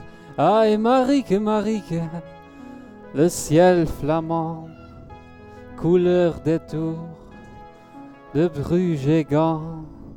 Aïe, Marique, Marique, le ciel flamand, pleure avec moi de Bruges à Gand. Zonder liefde, warme liefde, waait de wind, c'est fini. Zonder liefde, warme liefde, weent de zee, déjà fini. Zonder liefde, warme liefde, leidt het licht, tout fini. En schuurt het zand over mijn land, mijn platteland, mijn Vlaanderenland. Aïe, Marique, Marique, le ciel flamand, pesait-il trop de Bruges Aïe, Marique, Marique, sur tes vingt ans, que j'aimais tant, de Bruges. Zonder liefde, warme liefde, lacht de duivel, de zwarte duivel. Zonder liefde, warme liefde, brandt mijn hart, mijn oude hart. Zonder liefde, warme liefde, sterft de zomer, de droeve zomer. En schuurt het zand over mijn land, mijn platteland, mijn Vlaanderenland. Aïe, Marieke, Marieke, revienne le temps, revienne le temps de Bruges à Gand. Aïe, Marieke, Marieke, le temps où tu m'aimais de Bruges.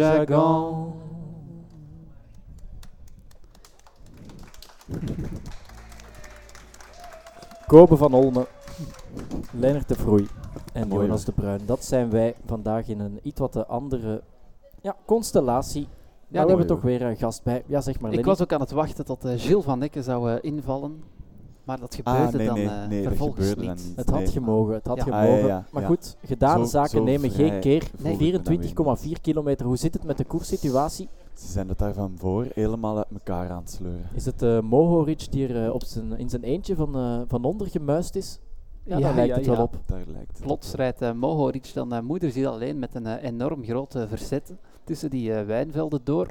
Ja, daar had hij maar eh, één, eh, nou, is drie eh, strofes van eh, Marieke Marieke voor nodig om eh, een halve minuut te pakken. Ja, Laporte die dan op komst is. Ja, in maar principe, ja, op komst heeft nog wel een gat te dichten. Ik denk dat hij eerder terug eh, bijgehaald gaat worden door die mannen achter hem. En dan kijken of daar een eh, achtervolging georganiseerd kan worden. maar wat een eh, zwaar verzet stamt deze man. Het is eh, niet te geloven. Het ziet er als een leidersweg uit. Ja, het is- zag het er bij jou daarnet dan eh, ook zo uit? toen Ja, jij in, ja, eh, ja. Zo, ja. Ik ben eigenlijk een method Van, eh, actor. Van Mechelen naar... eh, Dus ik heb mij willen inleven in wat die mannen doormaken. En, eh, je hebt waar. Ja, van Mechelen naar, eh, naar hier op een uur en tien minuten ongeveer. dat is een Met- redelijk eh, strakke tijd op met een plooifiets. Ja, Ja. ja. Ja, want wat is er eigenlijk precies misgegaan? Het, Ja. het treinverkeer heeft het Ja, laten er afweten. heeft iemand, eh, ja, er is een eh, aanrijding geweest met een persoon in Duffel. Ja, Ah, Het, en eh, dat was wat jij ook gezien hebt ziekenhuis. En daar heb ik ook die persoon zien liggen. Dus het gebeurt wel vaker daar. in een, eh, in een doek gewikkeld. Ja, eh, klopt. Ja. dat, Dat was best heftig om te zien. Ja. redelijk Ja. tragisch, want wij dachten dat het iets te maken zou hebben gehad met die overstromingen, maar dat bleek dan Dat niet het dacht geval. ik ook, ja. Maar dat bleek niet het geval. Nee. ja. Ja, spijtig. ja. Ken jij eh, mensen ehm, over de taalgrens? In eh, Wallonië heb je daar eh, kennissen wonen? Eh, ja, jawel. Ja. En hoe gaat het met hen? Zijn zij getroffen door het Eh, noodweer? Ehm, dat, dat weet ik eigenlijk niet. Ik heb, ik, eh, ik heb het nagelaten sms sturen. Geen nieuws is goed nieuws. Ja, dat eh, denk je dan. Hè? Ja. Misschien ook andere katjes Ja. te geeselen. Maar ik kan me ook voorstellen dat die, dat die al genoeg sms'en krijgen van eh dichtere Ja. familie en vrienden. Ja. Kijk eens aan, wat een eh, stevig gat die Mohoric bij elkaar gefietst heeft. Een Laporte die dan toch ook eh, vrij stevig onderweg is, die heeft ook een eh, vrij mooie voorsprong op deze mannen. Maar ja, Hierachter Die, draaien ze wel nog goed rond, hè, Lennart? ja ze zitten daar nog met twee van eh Trek. Is nog wel even ook. Hè. Ja, maar goed, eh, de precedenten deze Tour die leren ons dat eh, de eenzame vluchter het vaak haalt. En eh, zeker als hij dan ook nog eens Matej Mohoric heet, dan eh, ben ik daar toch niet zo gerust in dat hij vanzelf wel Ja. weer zal komen terugwaaien. Ja, dat is een Die man heeft die dat dan eh, ook al eens gedaan. Ja. ja. ja. op een soortgelijke wijze. Straf. Heb jij hem in je ploeg staan? Want eh, jij bent ook iemand die nee. zich wel bezighoudt met zulke spelletjes. Ja, ik heb, eh, ik heb eh, meegestreden, maar ik moet zeggen dat ik... eh, zo mijn, mijn kennis van de koers is pas eh, de laatste jaren zich beginnen ontwikkelen. Nou, hoe komt dat? Eh, dat weet ik eigenlijk niet. Ik denk dat ik... Mijn, mijn vader is een eh, groot eh wielerfan. En mijn moeder het tegenovergestelde. Dus de deal bij mij thuis was dat wat mijn vader niet leuk vindt en mijn moeder wel is skiën. Dus dat mijn vader altijd de koers mocht kijken. En dat wij dan ook wel toch gingen skiën één keer per jaar. Nu, ehm, mijn moeder heeft dus altijd ook tegen ons laten uitschijnen dat die koers dat dat heel stom was. En dat dat vervelend was dat mijn vader daar vaak naar keek. Ah ja, zo. Dus misschien dat ik dat onbewust daarvan heb overgenomen. Maar nu door het zelf een beetje via vrienden te beginnen beoefenen, is de liefde steeds groter aan het worden. En deed je vader dan hetzelfde op skireis ook heel de tijd laten uitschijnen dat het toch eh, stom was? Nee, eigenlijk niet. Nee, maar die, die vond het dan wel leuk ook om te wandelen, denk ik. Ah ja. Mijn vader is een fervent wandelaar. Ah, dat is eh, prettig ook. Zeker weten. Zo in de sneeuw, op en neer. Ja. Nou, het lijkt er nu wel op dat eh, dat eh, groepje Laporte gaat het terughalen En dan eh, Ja. is Mohoric nog niet thuis, want ze draaien toch echt wel goed rond. Ze moeten ook natuurlijk.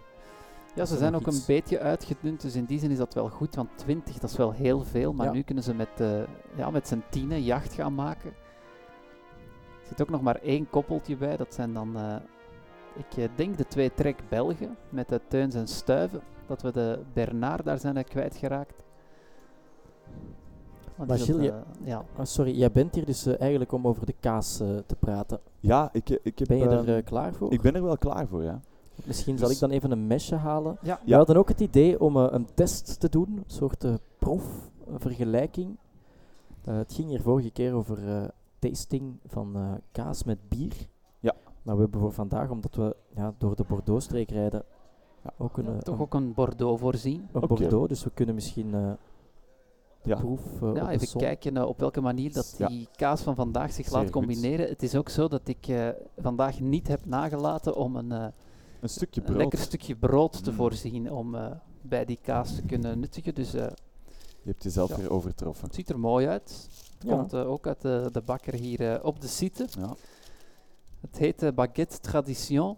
Het eh, is niet wat ik me voorstel bij een baguette, maar wel bij eh tradition. Ja. voilà. Dat is eh, Ja. heel goed omschreven. Moeten we enkel nog wat glazen voorzien? Ja. Ehm, zal ik achter die glazen gaan of zullen we Ja. iemand optrommelen om dat voor ons te doen? Eh, nee, ik kan, ik kan ook wel achter die, die goed. glazen gaan. Ja. Maar zal, zal ik al... eh, of hoor jij het als ik het zo uitleg? Dan, eh, ja. Dus Ja, vertel over die kaas. die kaas, kaas is dus eigenlijk een product wat, wat we allemaal weten, wat gemaakt wordt van melk. Ja. Maar het is niet dat je gewoon melk lang genoeg kan laten staan en dat het dan kaas wordt. Dat weten we ook wel allemaal. Ja, ja, dat wordt ja. dan gewoon rotte melk. Dus wat je nodig hebt is een product genaamd stremsel. Ja, dat is En een is- bijproduct. Nou, de stremsel is eigenlijk het product dat zorgt voor de juiste eh, eiwitverbindingen, Ja. waardoor er een vaste structuur genaamd kaas ontstaat. Nu, stremsel is iets wat eigenlijk van nature voorkomt in de maag van melkdrinkende zoogdieren. Ah ja. Dus bijvoorbeeld kalveren hebben, als dus jonge koeien hebben stremsel in hun maag. Jonge, eh, dus lammeren, eh, jonge geitjes, hoe, zeg, hoe, hoe noemen Ja, ze dat? ge- eh, ja. Jonge Geit- geitjes. hè. hè. Die, eh, die hebben allemaal stremsel in hun maag. En dus nog steeds, om die stremsel te bemachtigen, moet er ook jonge, moeten er jonge dieren worden geslacht eigenlijk. Oeh, dat is eigenlijk Ja. best gruwelijk. Eigenlijk is het geen, het is alles behalve een vegetarisch product, maar niet alleen omdat er eh, melk in zit, maar dus ook omdat je dat stremsel moet ontginnen uit de, de magen van die jonge diertjes. Ja, ja, ja, op die manier. Ehm, en dat, dat kan dan ontgonnen worden door oftewel de gedroogde magen te laten baden, oftewel eh, ja, een soort eh, verpulvering van eh, gedroogde magen en daar dan de juiste eiwit uithalen. Nu, als we even voorbij dat gore, jonge beestjes slachtende punt gaan, dan dat product wordt eigenlijk bij de melk gevoerd, waardoor er dus eiwitverbindingen worden aangegaan. En dat maakt de wrongel. En die wordt dan apart van, van het, de wei. En de wei is een soort eh, vocht, een soort waterachtige textuur, Mhm. die dan wordt onttrokken. En van die wrongel, van die harde textuur, van die eiwitverbindingen, wordt dan de kaas gemaakt. Oké, En dan wordt er nog zout, assen, schimmels eh, en, en dat soort dingen aan toegevoegd. toegevoegd, ja. En dat is hoe dat kaas ontstaat. Dat is, Voilà. eh, Ja. Ik ben Ja, dat Beetje ik een dat eindelijk ontnuchterend weet. verhaal eigenlijk. Ik ben, nu, ik ben nu natuurlijk een beetje ingepikt op het einde, maar ehm, het, het, het klonk op het einde toe best ingewikkeld. Maar anderzijds zeg je dan op het einde zo ontstaat het. Het is voor een deel ook gewoon een soort van het, het, het het begeleiden wachten, of hè. initiëren van processen. Je moet er eigenlijk niet zoveel aan doen. Hè? Ja, je moet eigenlijk die melk hebben, je doet er iets bij, je wacht, je pakt het juiste stuk eruit en dan laat je verder op zich eh, ja, eigenlijk rijpen. Er is veel kaas die je thuis ook kan, eh, kan maken dan in principe. Nu is het wel zo dat voor de goede rijping te hebben dat je wel een zekere luchtvochtigheid, een zekere Ja, ja. temperaturen nodig hebt. Ja. Wil jij dan, eh, want ik heb hier de kaas eh, uitgepakt, zou jij Ja. het het brood willen breken? Ik zie brakt brood. Eh, de kaas van vandaag Ja. is wederom een kaas met AOP en AOC eh, label is een rocamadour, een klein geitenkaasje van de, de streek iets ten oosten van waar we vandaag eh, fietsen, van de Lot. Want waar we vandaag zijn, wordt niet zoveel kaas gemaakt, jammer genoeg. Ehm, en eh, wat kan ik er nog over zeggen? Het is een oude kaas, er werd al in de 15e eeuw gemaakt. En eh, er is al. eh eh, Rocamadour is een heel mooi, eh, een heel mooi dorpje. Met een versterkte, een soort versterkte burcht eigenlijk, wat dat ook te zien is op het etiketje. Eh, zie je eh, die versterkte burcht getekend. Ja. En het is eigenlijk ook iets wat dat op de weg ligt voor de bedevaarders die naar Compostela reizen. Ah ja. En zo is het eigenlijk vanaf de 15e, 16e eeuw aan eh, bekendheid en populariteit beginnen winnen, doordat die bedevaarders dat dus eigenlijk meenamen voor onderweg. Hij wordt veelal ehm smeug en nogal jong gegeten, zoals wij hem hier vandaag ook ontmoeten, maar hij kan ook droger en dus scherper van smaak worden gedegusteerd. Oké, ik ben eh, super benieuwd. Het ziet er, het is een een redelijke stukje klein kaasje, maar het ziet er super lekker uit. Op brood? Dus eh Gilles, als jij een eentje voor eh Kobe kan Ja, fabriceren en dan doen. eentje voor jezelf, dan kunnen we allemaal samen proeven.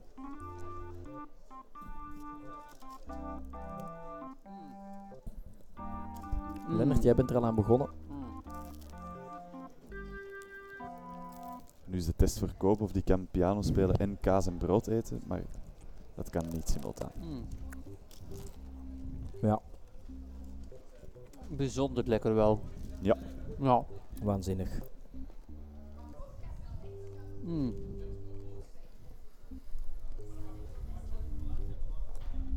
Mm. En Ja, bestaan er eigenlijk wel kazen zonder die labels, eh, Gilles? Of breng je gewoon alleen maar kwaliteit mee? nee, er zijn ook al eh, kazen gepasseerd zonder de labels. Er was er één, ik herinner me nu niet meer precies de welke die daar in... De eh, babybel. ja, die zeker.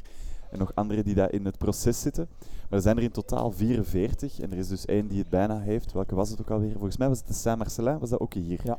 Ja. Eh, en dan worden het er 45. Dus eigenlijk kan ik volgend jaar, als er weer 21 etappes zijn, opnieuw met 21 nieuwe kazen met label afkomen. Dat lijkt Hmm. mij een eh, heel goed idee.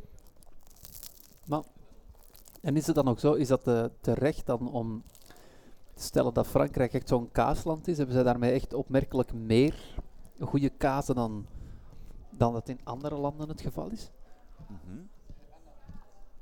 Ja, hij is even aan het eten. Ik ben even aan het eten. Maar het is, eh, het is ook een kaas die volgens mij heel goed eh, samengaat met een eh triple d'Anvers of een, eh een duvel. Of een duvel 666. Mij smaakt hij ook wel met die eh, lekkere Bordeaux. Nou, dat mag. Dat is een eh, Chateau Merlet uit eh, 2019 die we drinken. Een eh, mengeling van eh, Merlot, Cabernet Sauvignon en Cabernet Franc. En eh Lennart, hebben jullie dan ook een eh huissommelier voor eh, deze... Ja, onze huissommelier, dat is eigenlijk een samenwerking tussen Frank van het Wijnhuis en eh Lennart en Jonas in de rayon van de Deleuze. Dus eh, Het is wel zeer goed, die Ja. wijn, vind ik.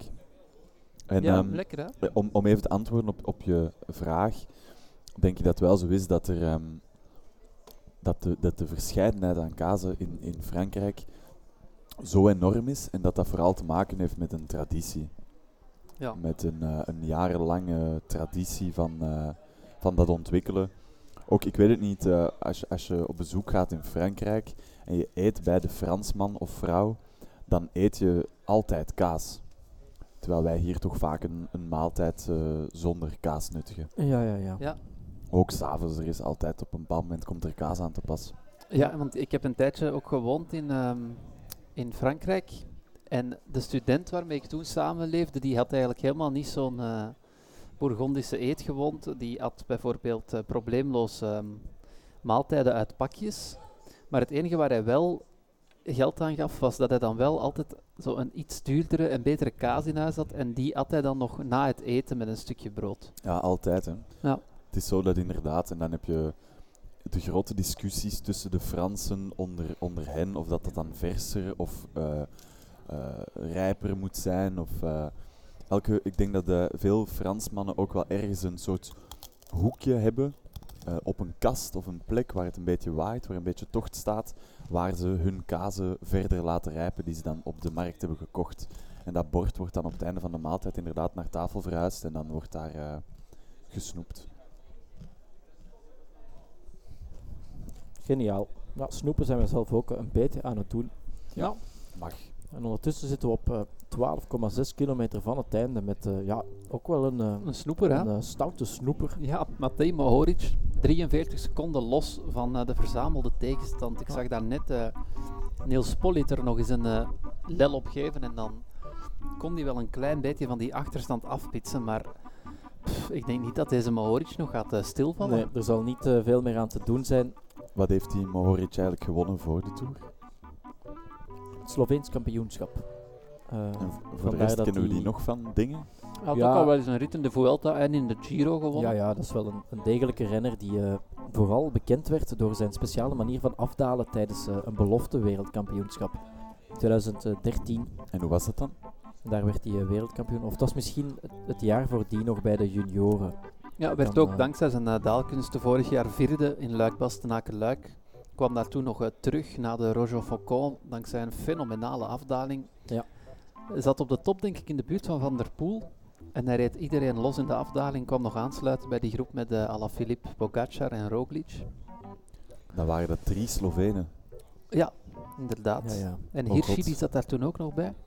En uh, ook vijfde in Milan San geen Remo. In die, toch? uh, Nee, nee, nee. Nee. Hirschi is een, eh, een Zwitser, een land waar ook wel wat eh, kaas gemaakt wordt. Ja, zeker. Waar je ook eh, kan gaan skiën. Dus een van de favoriete bezigheden van je moeder, dat weten wij nu sinds vandaag. Maar nooit in, of toch niet vaak in Zwitserland, eerder Frankrijk en, ehm, en Oostenrijk. Ah ja, Oostenrijk. Een beetje het goedkopere Zwitserland, laten we daar eerlijk over zijn. Ja, dat heeft er natuurlijk alles mee te maken dat er in Zwitserland nog eh, ja, met die eh, Franse, eh, Zwitserse franken liever eh, wordt gerekend. We krijgen nog eens een beeld van het peloton. Die mannen zitten al op eh, ja, net geen 17 minuten. Die gaan op hun gemakje naar eh, Libourne rijden. Waar morgen dus ook eh, de tijdrit vertrekt. Ja. Voor een etappe tussen de wijnranken. Een tijdrit. Zie jij het nog uh, fout gaan voor uh, Mohoric? Um, hij houdt het nu toch al heel lang vol, hè? Ja. Dus ik denk, nee, ik denk het niet. Nee. Het is ook iemand die uh, gewoon wel uh, redelijk uh, hard kan stampen. Terwijl jammer, er hier een asbak de grond op vliegt. Ja, dat kan gebeuren. Ik zie wel graag zo'n sprint eigenlijk. Ja, ik ook. En wij hebben eigenlijk heel mooi. Nog we, niet veel we hebben geen enkel groepjes. sprint van een groepje, ja. Behalve dan die misschien met uh, Pogacar. Maar dat is zo'n sprint bergop. Dat is toch anders, hè? Dat is anders, hè. Het is mooi, hè, zodat uh, die spanning daarvoor en dan het niet op kop willen zitten. Ja, ja. Ja. Ik, ik, denk als hij het rond dat hij ongeveer uh, even lang solo heeft gereden als jij van uh, Mechelen naar hier. Ja. Hij gaat er alleen iets korter over hebben gedaan. Ja, Ja, iets maar sneller toch. onderweg. Ja. Terwijl en ik eh, werd ook niet achterna gezeten. Ah. Kobe heeft uh, overduidelijk al zin in, uh, in Parijs. Die speelt hier in het deuntje van, uh, ja wat is het? One day my prince will come. Ja, wat is dat? De assenpoester? Nee, door een roosje. Dat is toch ook een uh, jazzstandard uh, Ja, ja. geworden, hè? Ja, dat is correct, ja. ja. Wie heeft hem uh, geschreven? Oei, ja, iemand voor Disney, maar uh, de Ah, ja, originele componist weet ik niet.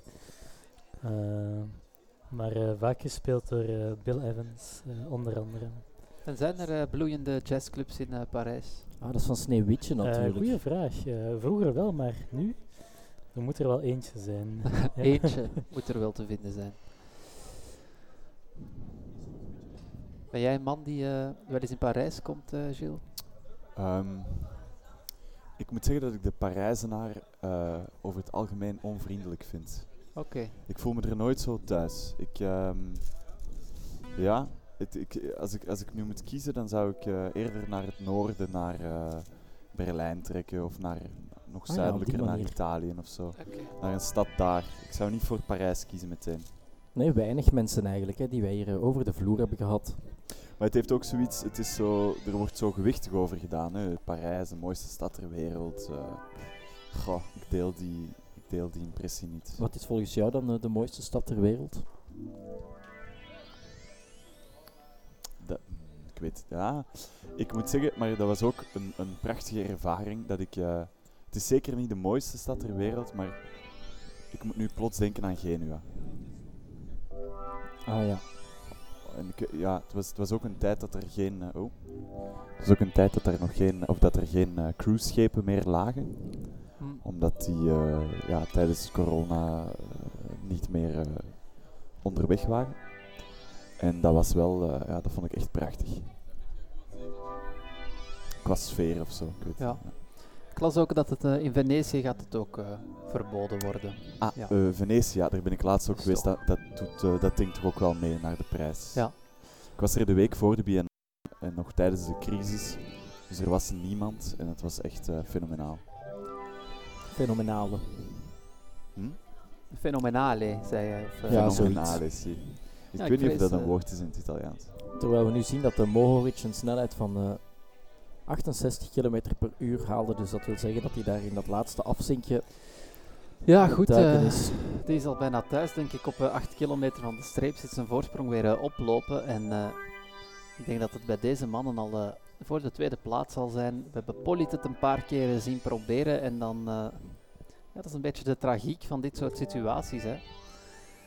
Dan willen ze altijd wel mee, maar eh, niet overpakken. En eh, op die manier eh, gaat Mohoric hier gewoon richting zijn tweede ritzege rijden. En dat wordt dan de vijfde Sloveense etappezege in deze ronde van Frankrijk. Is dit nu echt veiliger dan dat buisdalen? Ik denk het niet eigenlijk. Ik, zie hem zo eh, met zijn handjes eh, tegen elkaar op die buis plakken. Maar het ding is, ja, Mohoric kan in principe steengoed dalen. Maar dat wil niet zeggen dat het eh, soms niet eens mis kan gaan. Want in de Ronde van Italië ging die in een afdaling helemaal over kop. Er verscheen toen een foto op de sociale media. Waarin dat hij eh, echt totaal ondersteboven met zijn hoofd op de grond en zijn Ja, fiets in was de een lucht. eh, tamelijk absurd beeld. Tamelijk absurd. Heb je dat maar, meegekregen toen, eh Gilles? Nee, ik ben wel ooit, eh, had ik een nieuwe fiets, was ik misschien een jaar of acht. En ik ook op mijn eerste ritje met die nieuwe fiets gevallen.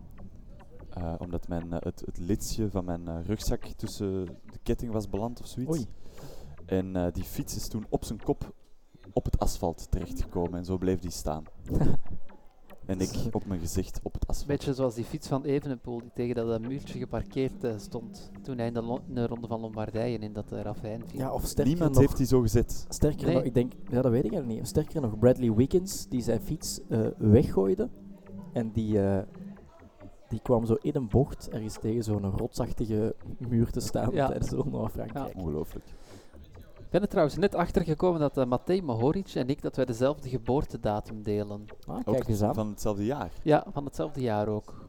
Dus, heb je dan eh, ook niet zo soms... Ik heb altijd, als ik dan eh, van die renners hoor die dat mijn leeftijd hebben, dat ik denk van... En wat heb ik dan bereikt? Ah, wel ja, ik wilde het net in de weegschaal leggen, dus het gaat nu al over ehm, twee ritten in de Tour. Eentje in de Vuelta en eentje in de Giro. En dan een Sloveens kampioenschap. Exact even lang geleefd als ik. Ja, dat komt even binnen. Dus, Toch? eh, ja. Jonas, ik stel voor dat eh, jij vandaag de, eh, de laatste kilometer voor je rekening neemt. Oké. Kan ik, eh, Je bent niet zo ja, dan, Tevreden dan met, kan ik het een beetje nadenken, ja. laten bezinken. Ja, dat is goed, ja. Het zal een eh, tamelijk saaie kilo... Oh, toen krijg je nog een demarrage van een motor die daar helemaal naar voren springt. Ja, Het was een redelijk eh, fors. En is dat dan Valgrein met de Laporte en het Zimmerman. En Ja, een van de eh, twee trekbelgen die zich eh, toch eh, ja, formidabel in de luren hebben laten leggen door uh, Matej Mohoric. Ja, dat zou eigenlijk niet mogen, hè, wanneer je dan met de drie man voorop bent. En je niet, niet eens aanspraak kan maken op de dagzegen. Maar ik vind het vooral indrukwekkend omdat Mohoric in die, ja, die 10 kilometer van de schermutselingen die we hebben gezien, dat hij daar heel vaak op kop zat te sleuren. Dat ik dacht, die woekelt met zijn krachten. Ballerini die deed hetzelfde, maar daarvan zag je dan wel uh, twee kilometer later dat hij moest passen. En die Mohoric die kon dan gewoon nog eens gaan. En hij rijdt nu al een minuut weg van uh, ja, al deze ja, maar ja, daarachter zijn ze wat aan het pokeren natuurlijk. Maar toch, ja, het is, eh, het is jammer, want eh, ja, zo'n eh, sprint van een uitgedund groepje, dat is toch altijd Van de wat kop meer af spektakel. Voor uh, plek 2 is het dan uh, Edouard Teuns. Die uh, wegrijdt achter het Zimmerman aan. Die gaat er op en erover. Ik kan die nog aanpikken. Niet te verwarren met de Hans Zimmer. Hebben we die nog gezien deze tour, Edward Teuns? Edward Ja. Teuns is een keer eh, In een vlucht en dan eh, als laatste overgebleven. Ik denk dat hij eens, eh, de strijdlust heeft gepakt toen. Ja. Het moet een van de etappes geweest zijn Ah ja, die eh, gewonnen werd door Mark Cavendish. ik had er wel mee te doen met, eh, na, het, na het Belgisch kampioenschap. Dat hij tweede werd. Ja, vooral dat hij in tranen uitlegde dat zijn ploeg geen vertrouwen in hem had. Dat hij eigenlijk waarschijnlijk niet mee mocht naar de Tour. Enzovoort en zo verder. Ja, het is een oerdegelijke renner die zich ook wel weet te plaatsen in zo'n eh, in zo'n massasprint. Maar ja, afwerken zit er dan niet eh, altijd bij. Maar ja, dat zou dan in principe voor Stuiven Kunnen- moeten zijn, toch? Ja, ik denk dat Stuiven nog net Het iets... is ook eh, Stuiven die eh, vooraan zit. ja, ja. Teuns iets, die eh, zat eh, in laatste positie van dat groepje. Net iets sterker. Ja, hij legt zich eh, goed plat. De Sloveen, die dus een aantal dagen geleden bezoek kreeg van de politie. Ja. Heb je dat een beetje gevolgd? Ja, Kan je dan ook uitleggen hoe de vork precies aan de steel zat? Of, eh, maar volgens mij hebben ze toch ehm, meer dan een vermoeden van eh, praktijken die niet helemaal door de beugel kunnen. Ik denk niet dat het schandalig gaat zijn. Ik denk niet dat het gaat over. Enfin, het, het gaat niet gaan over EPO of iets, iets te obvious, maar het gaat zo gaan over iets wat zo net niet kan. En dat, een pufje te veel met de astmapuffer? ja, zoiets, ja. Maar en denk je dan richting de ploeg dat het een soort van collectief georganiseerd iets zou zijn? Omdat het, het kan natuurlijk ook gewoon gaan over eh, individuen. Goh, er zijn bepaalde renners die eh, binnen die ploeg dan plots toch dingen beginnen doen waarvan je denkt, "Oh, dat is opmerkelijk. Maar er zijn een aantal renners van die ploeg die ook gewoon ja, verder in de lijn der verwachtingen groeien. Eh, Dat Dylan Teuns wint is niet zo... eh, Zo, niet de eerste keer natuurlijk. is niet de eerste keer dat een... die rijdt ook goed. Ja, dat dat- Mohoric... Dat Mohoric wint is misschien ook niet zo...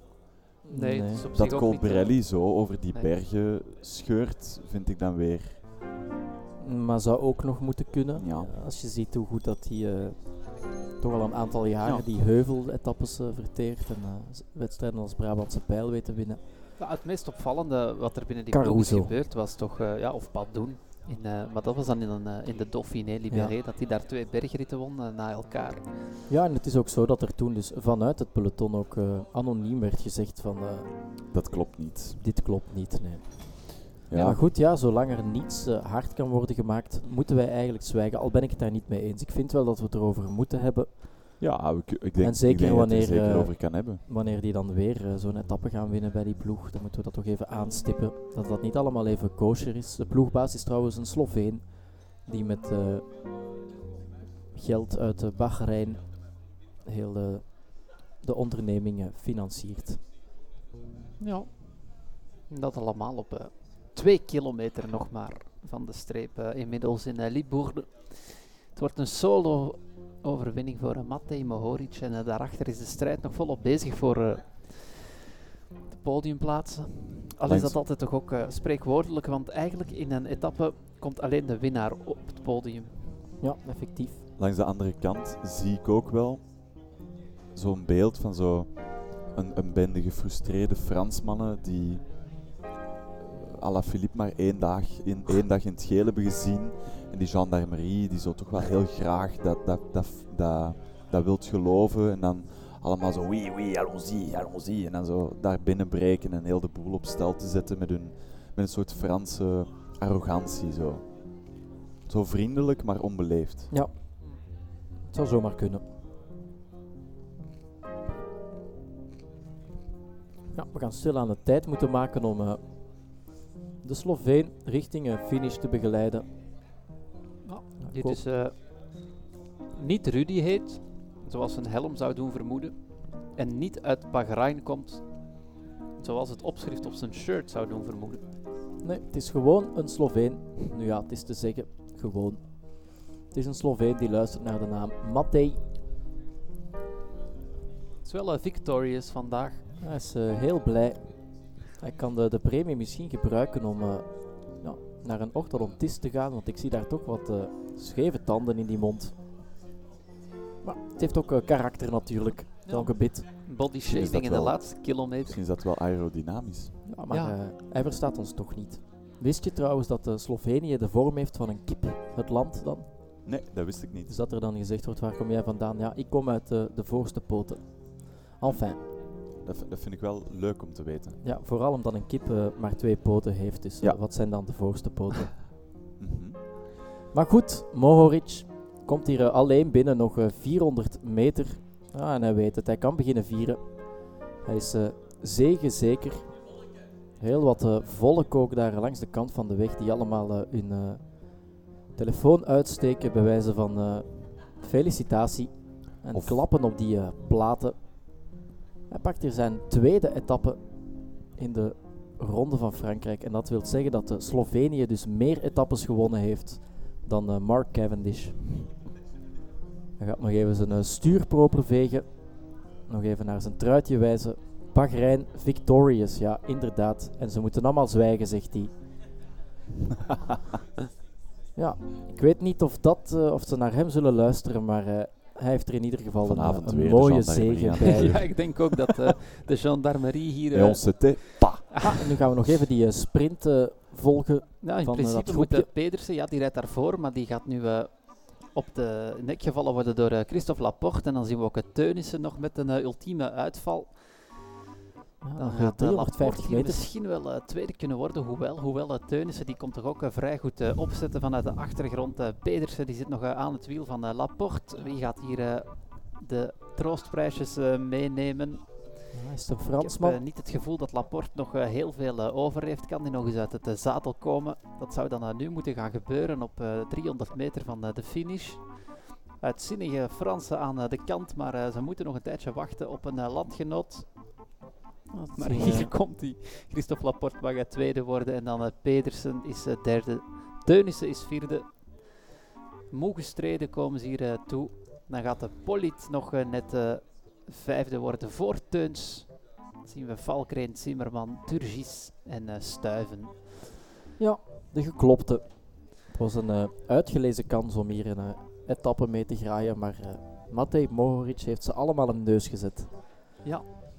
Hij is er vandoor gegaan en Hij heeft heeft- zijn eh, solo ja. gerond. Het zwijgen opgelegd, of Ja. eh, hoe moeten we dat eh, Hij interpreteren? heeft ze de mond gesnoerd. Ga jij nu zwijgen, Gilles?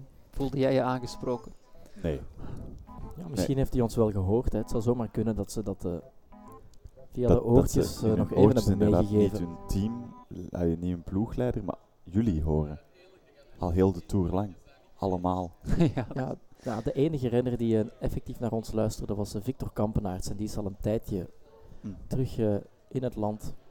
Heb je Die ze moest zijn vriendin gaan afzetten voor het vliegtuig, omdat hij dus naar de Olympische Spelen gaat. Hm. Victor gaat naar de Olympische Spelen. Nee, nee, zijn vriendin.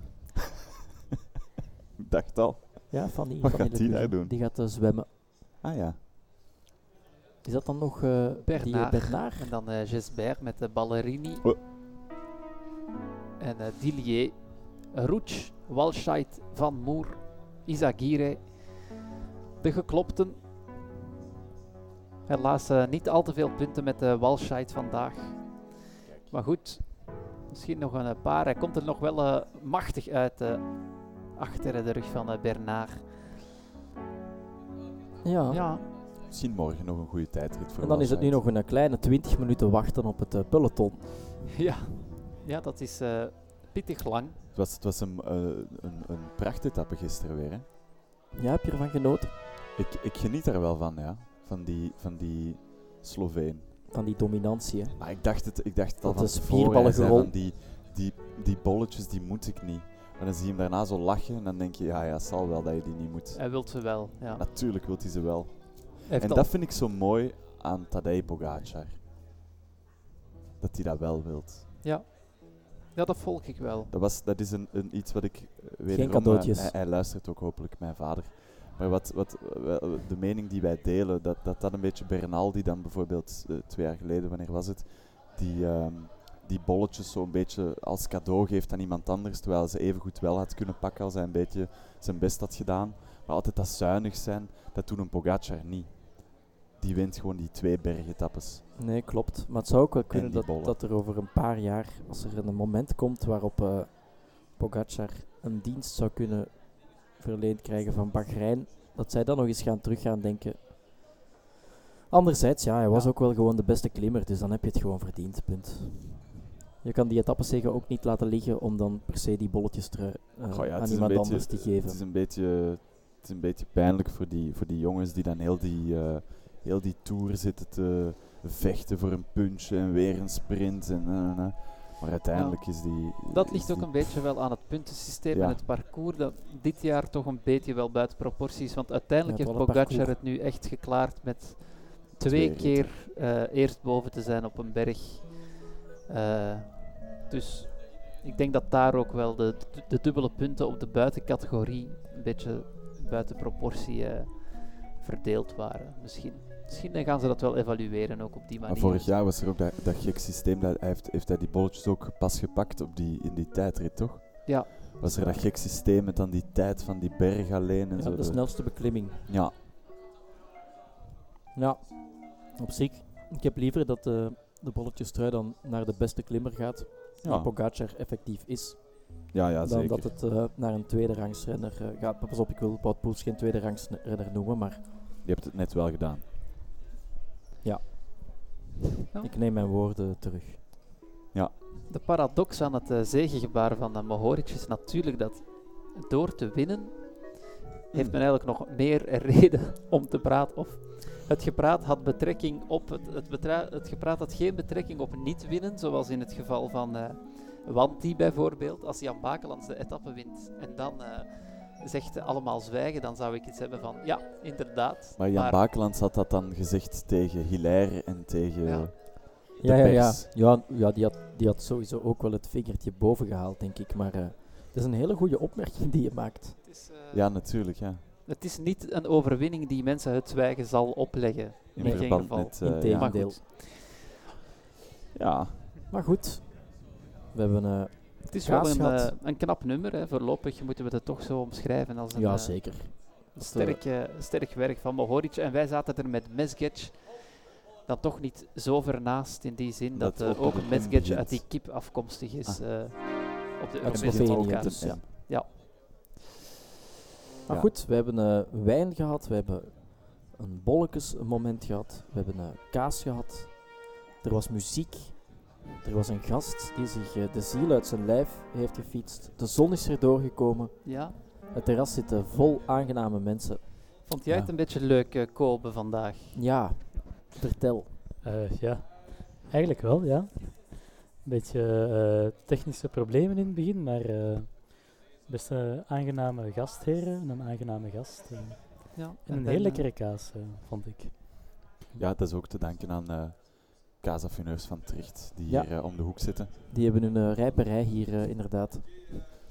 En uh, zij kunnen nu zeker nog beter dan ik uitleggen waarom het rijpen van die kaas, dat je dat beter niet thuis doet, maar beter door hen laat doen. Ja, misschien ja. kunnen we morgen wel uh, iemand van hen uh, vragen om uh, langs te komen. Het is zo dat we morgen een gast hebben die in principe niet met de trein hoeft te komen. Dat weet ik niet hoe dat ze zal afzakken naar hier. Dat is een, een vrouw die ook heel wat tijd op het land doorbrengt klopt, hè, wat ik zeg. Ja, inderdaad. Morgen zal Stien Boeien hier aanschuiven aan tafel. En, zij heeft een boerderij en heeft ons laten dat ze op het veld al wel eens naar een parole parool durven luisteren. Dus wat dat betreft ziet dat er goed uit voor morgen. De tijdrit. Wat gaan we daar nog te zien krijgen, Gilles? Tadej Pogacar. Ja? Ja. Voor nummer 4. Mm -hmm. En de laatste dag nog eens Cavendish. Ja. Oké. Okay. Ja, een tour dan uh, die uh, verdeeld wordt onder uh, ja, enkelingen. Maar als, als je zoveel beter bent dan de rest... Ja, maar je bedoelt, je hebt een betere trein. Of ah, je bedoelt op ja, voor, Pogacar. Nee, voor Cavendish heb je zo'n... Ja, die trein is, is ongelooflijk. Ah, en ze hebben ervaring. Maar het is, het is ongelooflijk. Er zit voor ons maar één ding op. We gaan moeten kijken. En dan zullen we meteen heel wat wijzer worden. Ja. Na afloop dan. Inderdaad. We gaan, uh, Gilles, we gaan jou bedanken om hier uh, ja, met uh, heel veel Nee, eigenlijk alleen zweet. Ik, eh, bloed zie ik niet meteen, Nee, ook geen nee. tranen eh, Nee, ook niet. voorlopig. Maar je hebt wel eh, gezweet, speciaal om hier te zijn. En dat eh, is eh, Ja. heel vriendelijk. Je hebt ook al wekenlang ons van fantastische kaas voorzien. Ehm, daar zijn wij ook zeer erkentelijk voor. Dus ik, ik hoop dat morgen Walscheid een fantastische tijdrit rijdt om op die manier eh, jouw, ehm, jouw ploegje nog wat ja. vooruit te helpen. Dank je. Ook heel erg bedankt aan Kobe om ja, een beetje Frans repertoire binnen te brengen hier eh, vandaag. En ehm, bedankt aan Brouwerij de Koning, Ja, niet te vergeten. niet te vergeten. Eh, bedankt aan jou, Jonas. Ja, bedankt aan jou ook, eh Lennart. Ja, Als het goed is, zien wij elkaar morgen. als het goed is wel, ja. En eh, bedankt aan het publiek. Als het goed is, dan zien wij jullie ook morgen weer terug. eh. En dan zondag in de, in de carousel. Ah Ja. ja. Zondag eh, spelen we onze slotshow in de carousel. Ik kan daar nog altijd een kaartje voor kopen. Heb jij dat ondertussen al gedaan? Ik, ik was eigenlijk aan het wachten op een uitnodiging van jullie. Ah, dan ben je bij deze uitgenodigd, Uitgenodigd. Dank je. om ook daar nog een eh, kaas te komen presenteren. Dat als je zal zin ik hebt. zeker doen. Jij dan, wint eh, ook nog een eh, drinkbus Ah. van eh, Parole Parole. Dank je wel. Die Dan, kan je wel gebruiken bij het wel terug naar gebruiken huis bij het fietsen. terug naar huis Exact. fietsen. En het is zo dat als er nog mensen zijn die graag een drinkbus van uh, Parole Parole eh, in hun drinkbushouder zouden willen bevestigen, dan eh, kunnen ze die eh, komen kopen bij ons voor de zachte prijs van eh 7 7 euro. euro. Ja, 7 euro en français. Ja, Euh, 20 voor 3, 15 voor 2, zoiets. ah oui, c'est ça. Donc, voilà. Merci et À la prochaine. au revoir. À demain.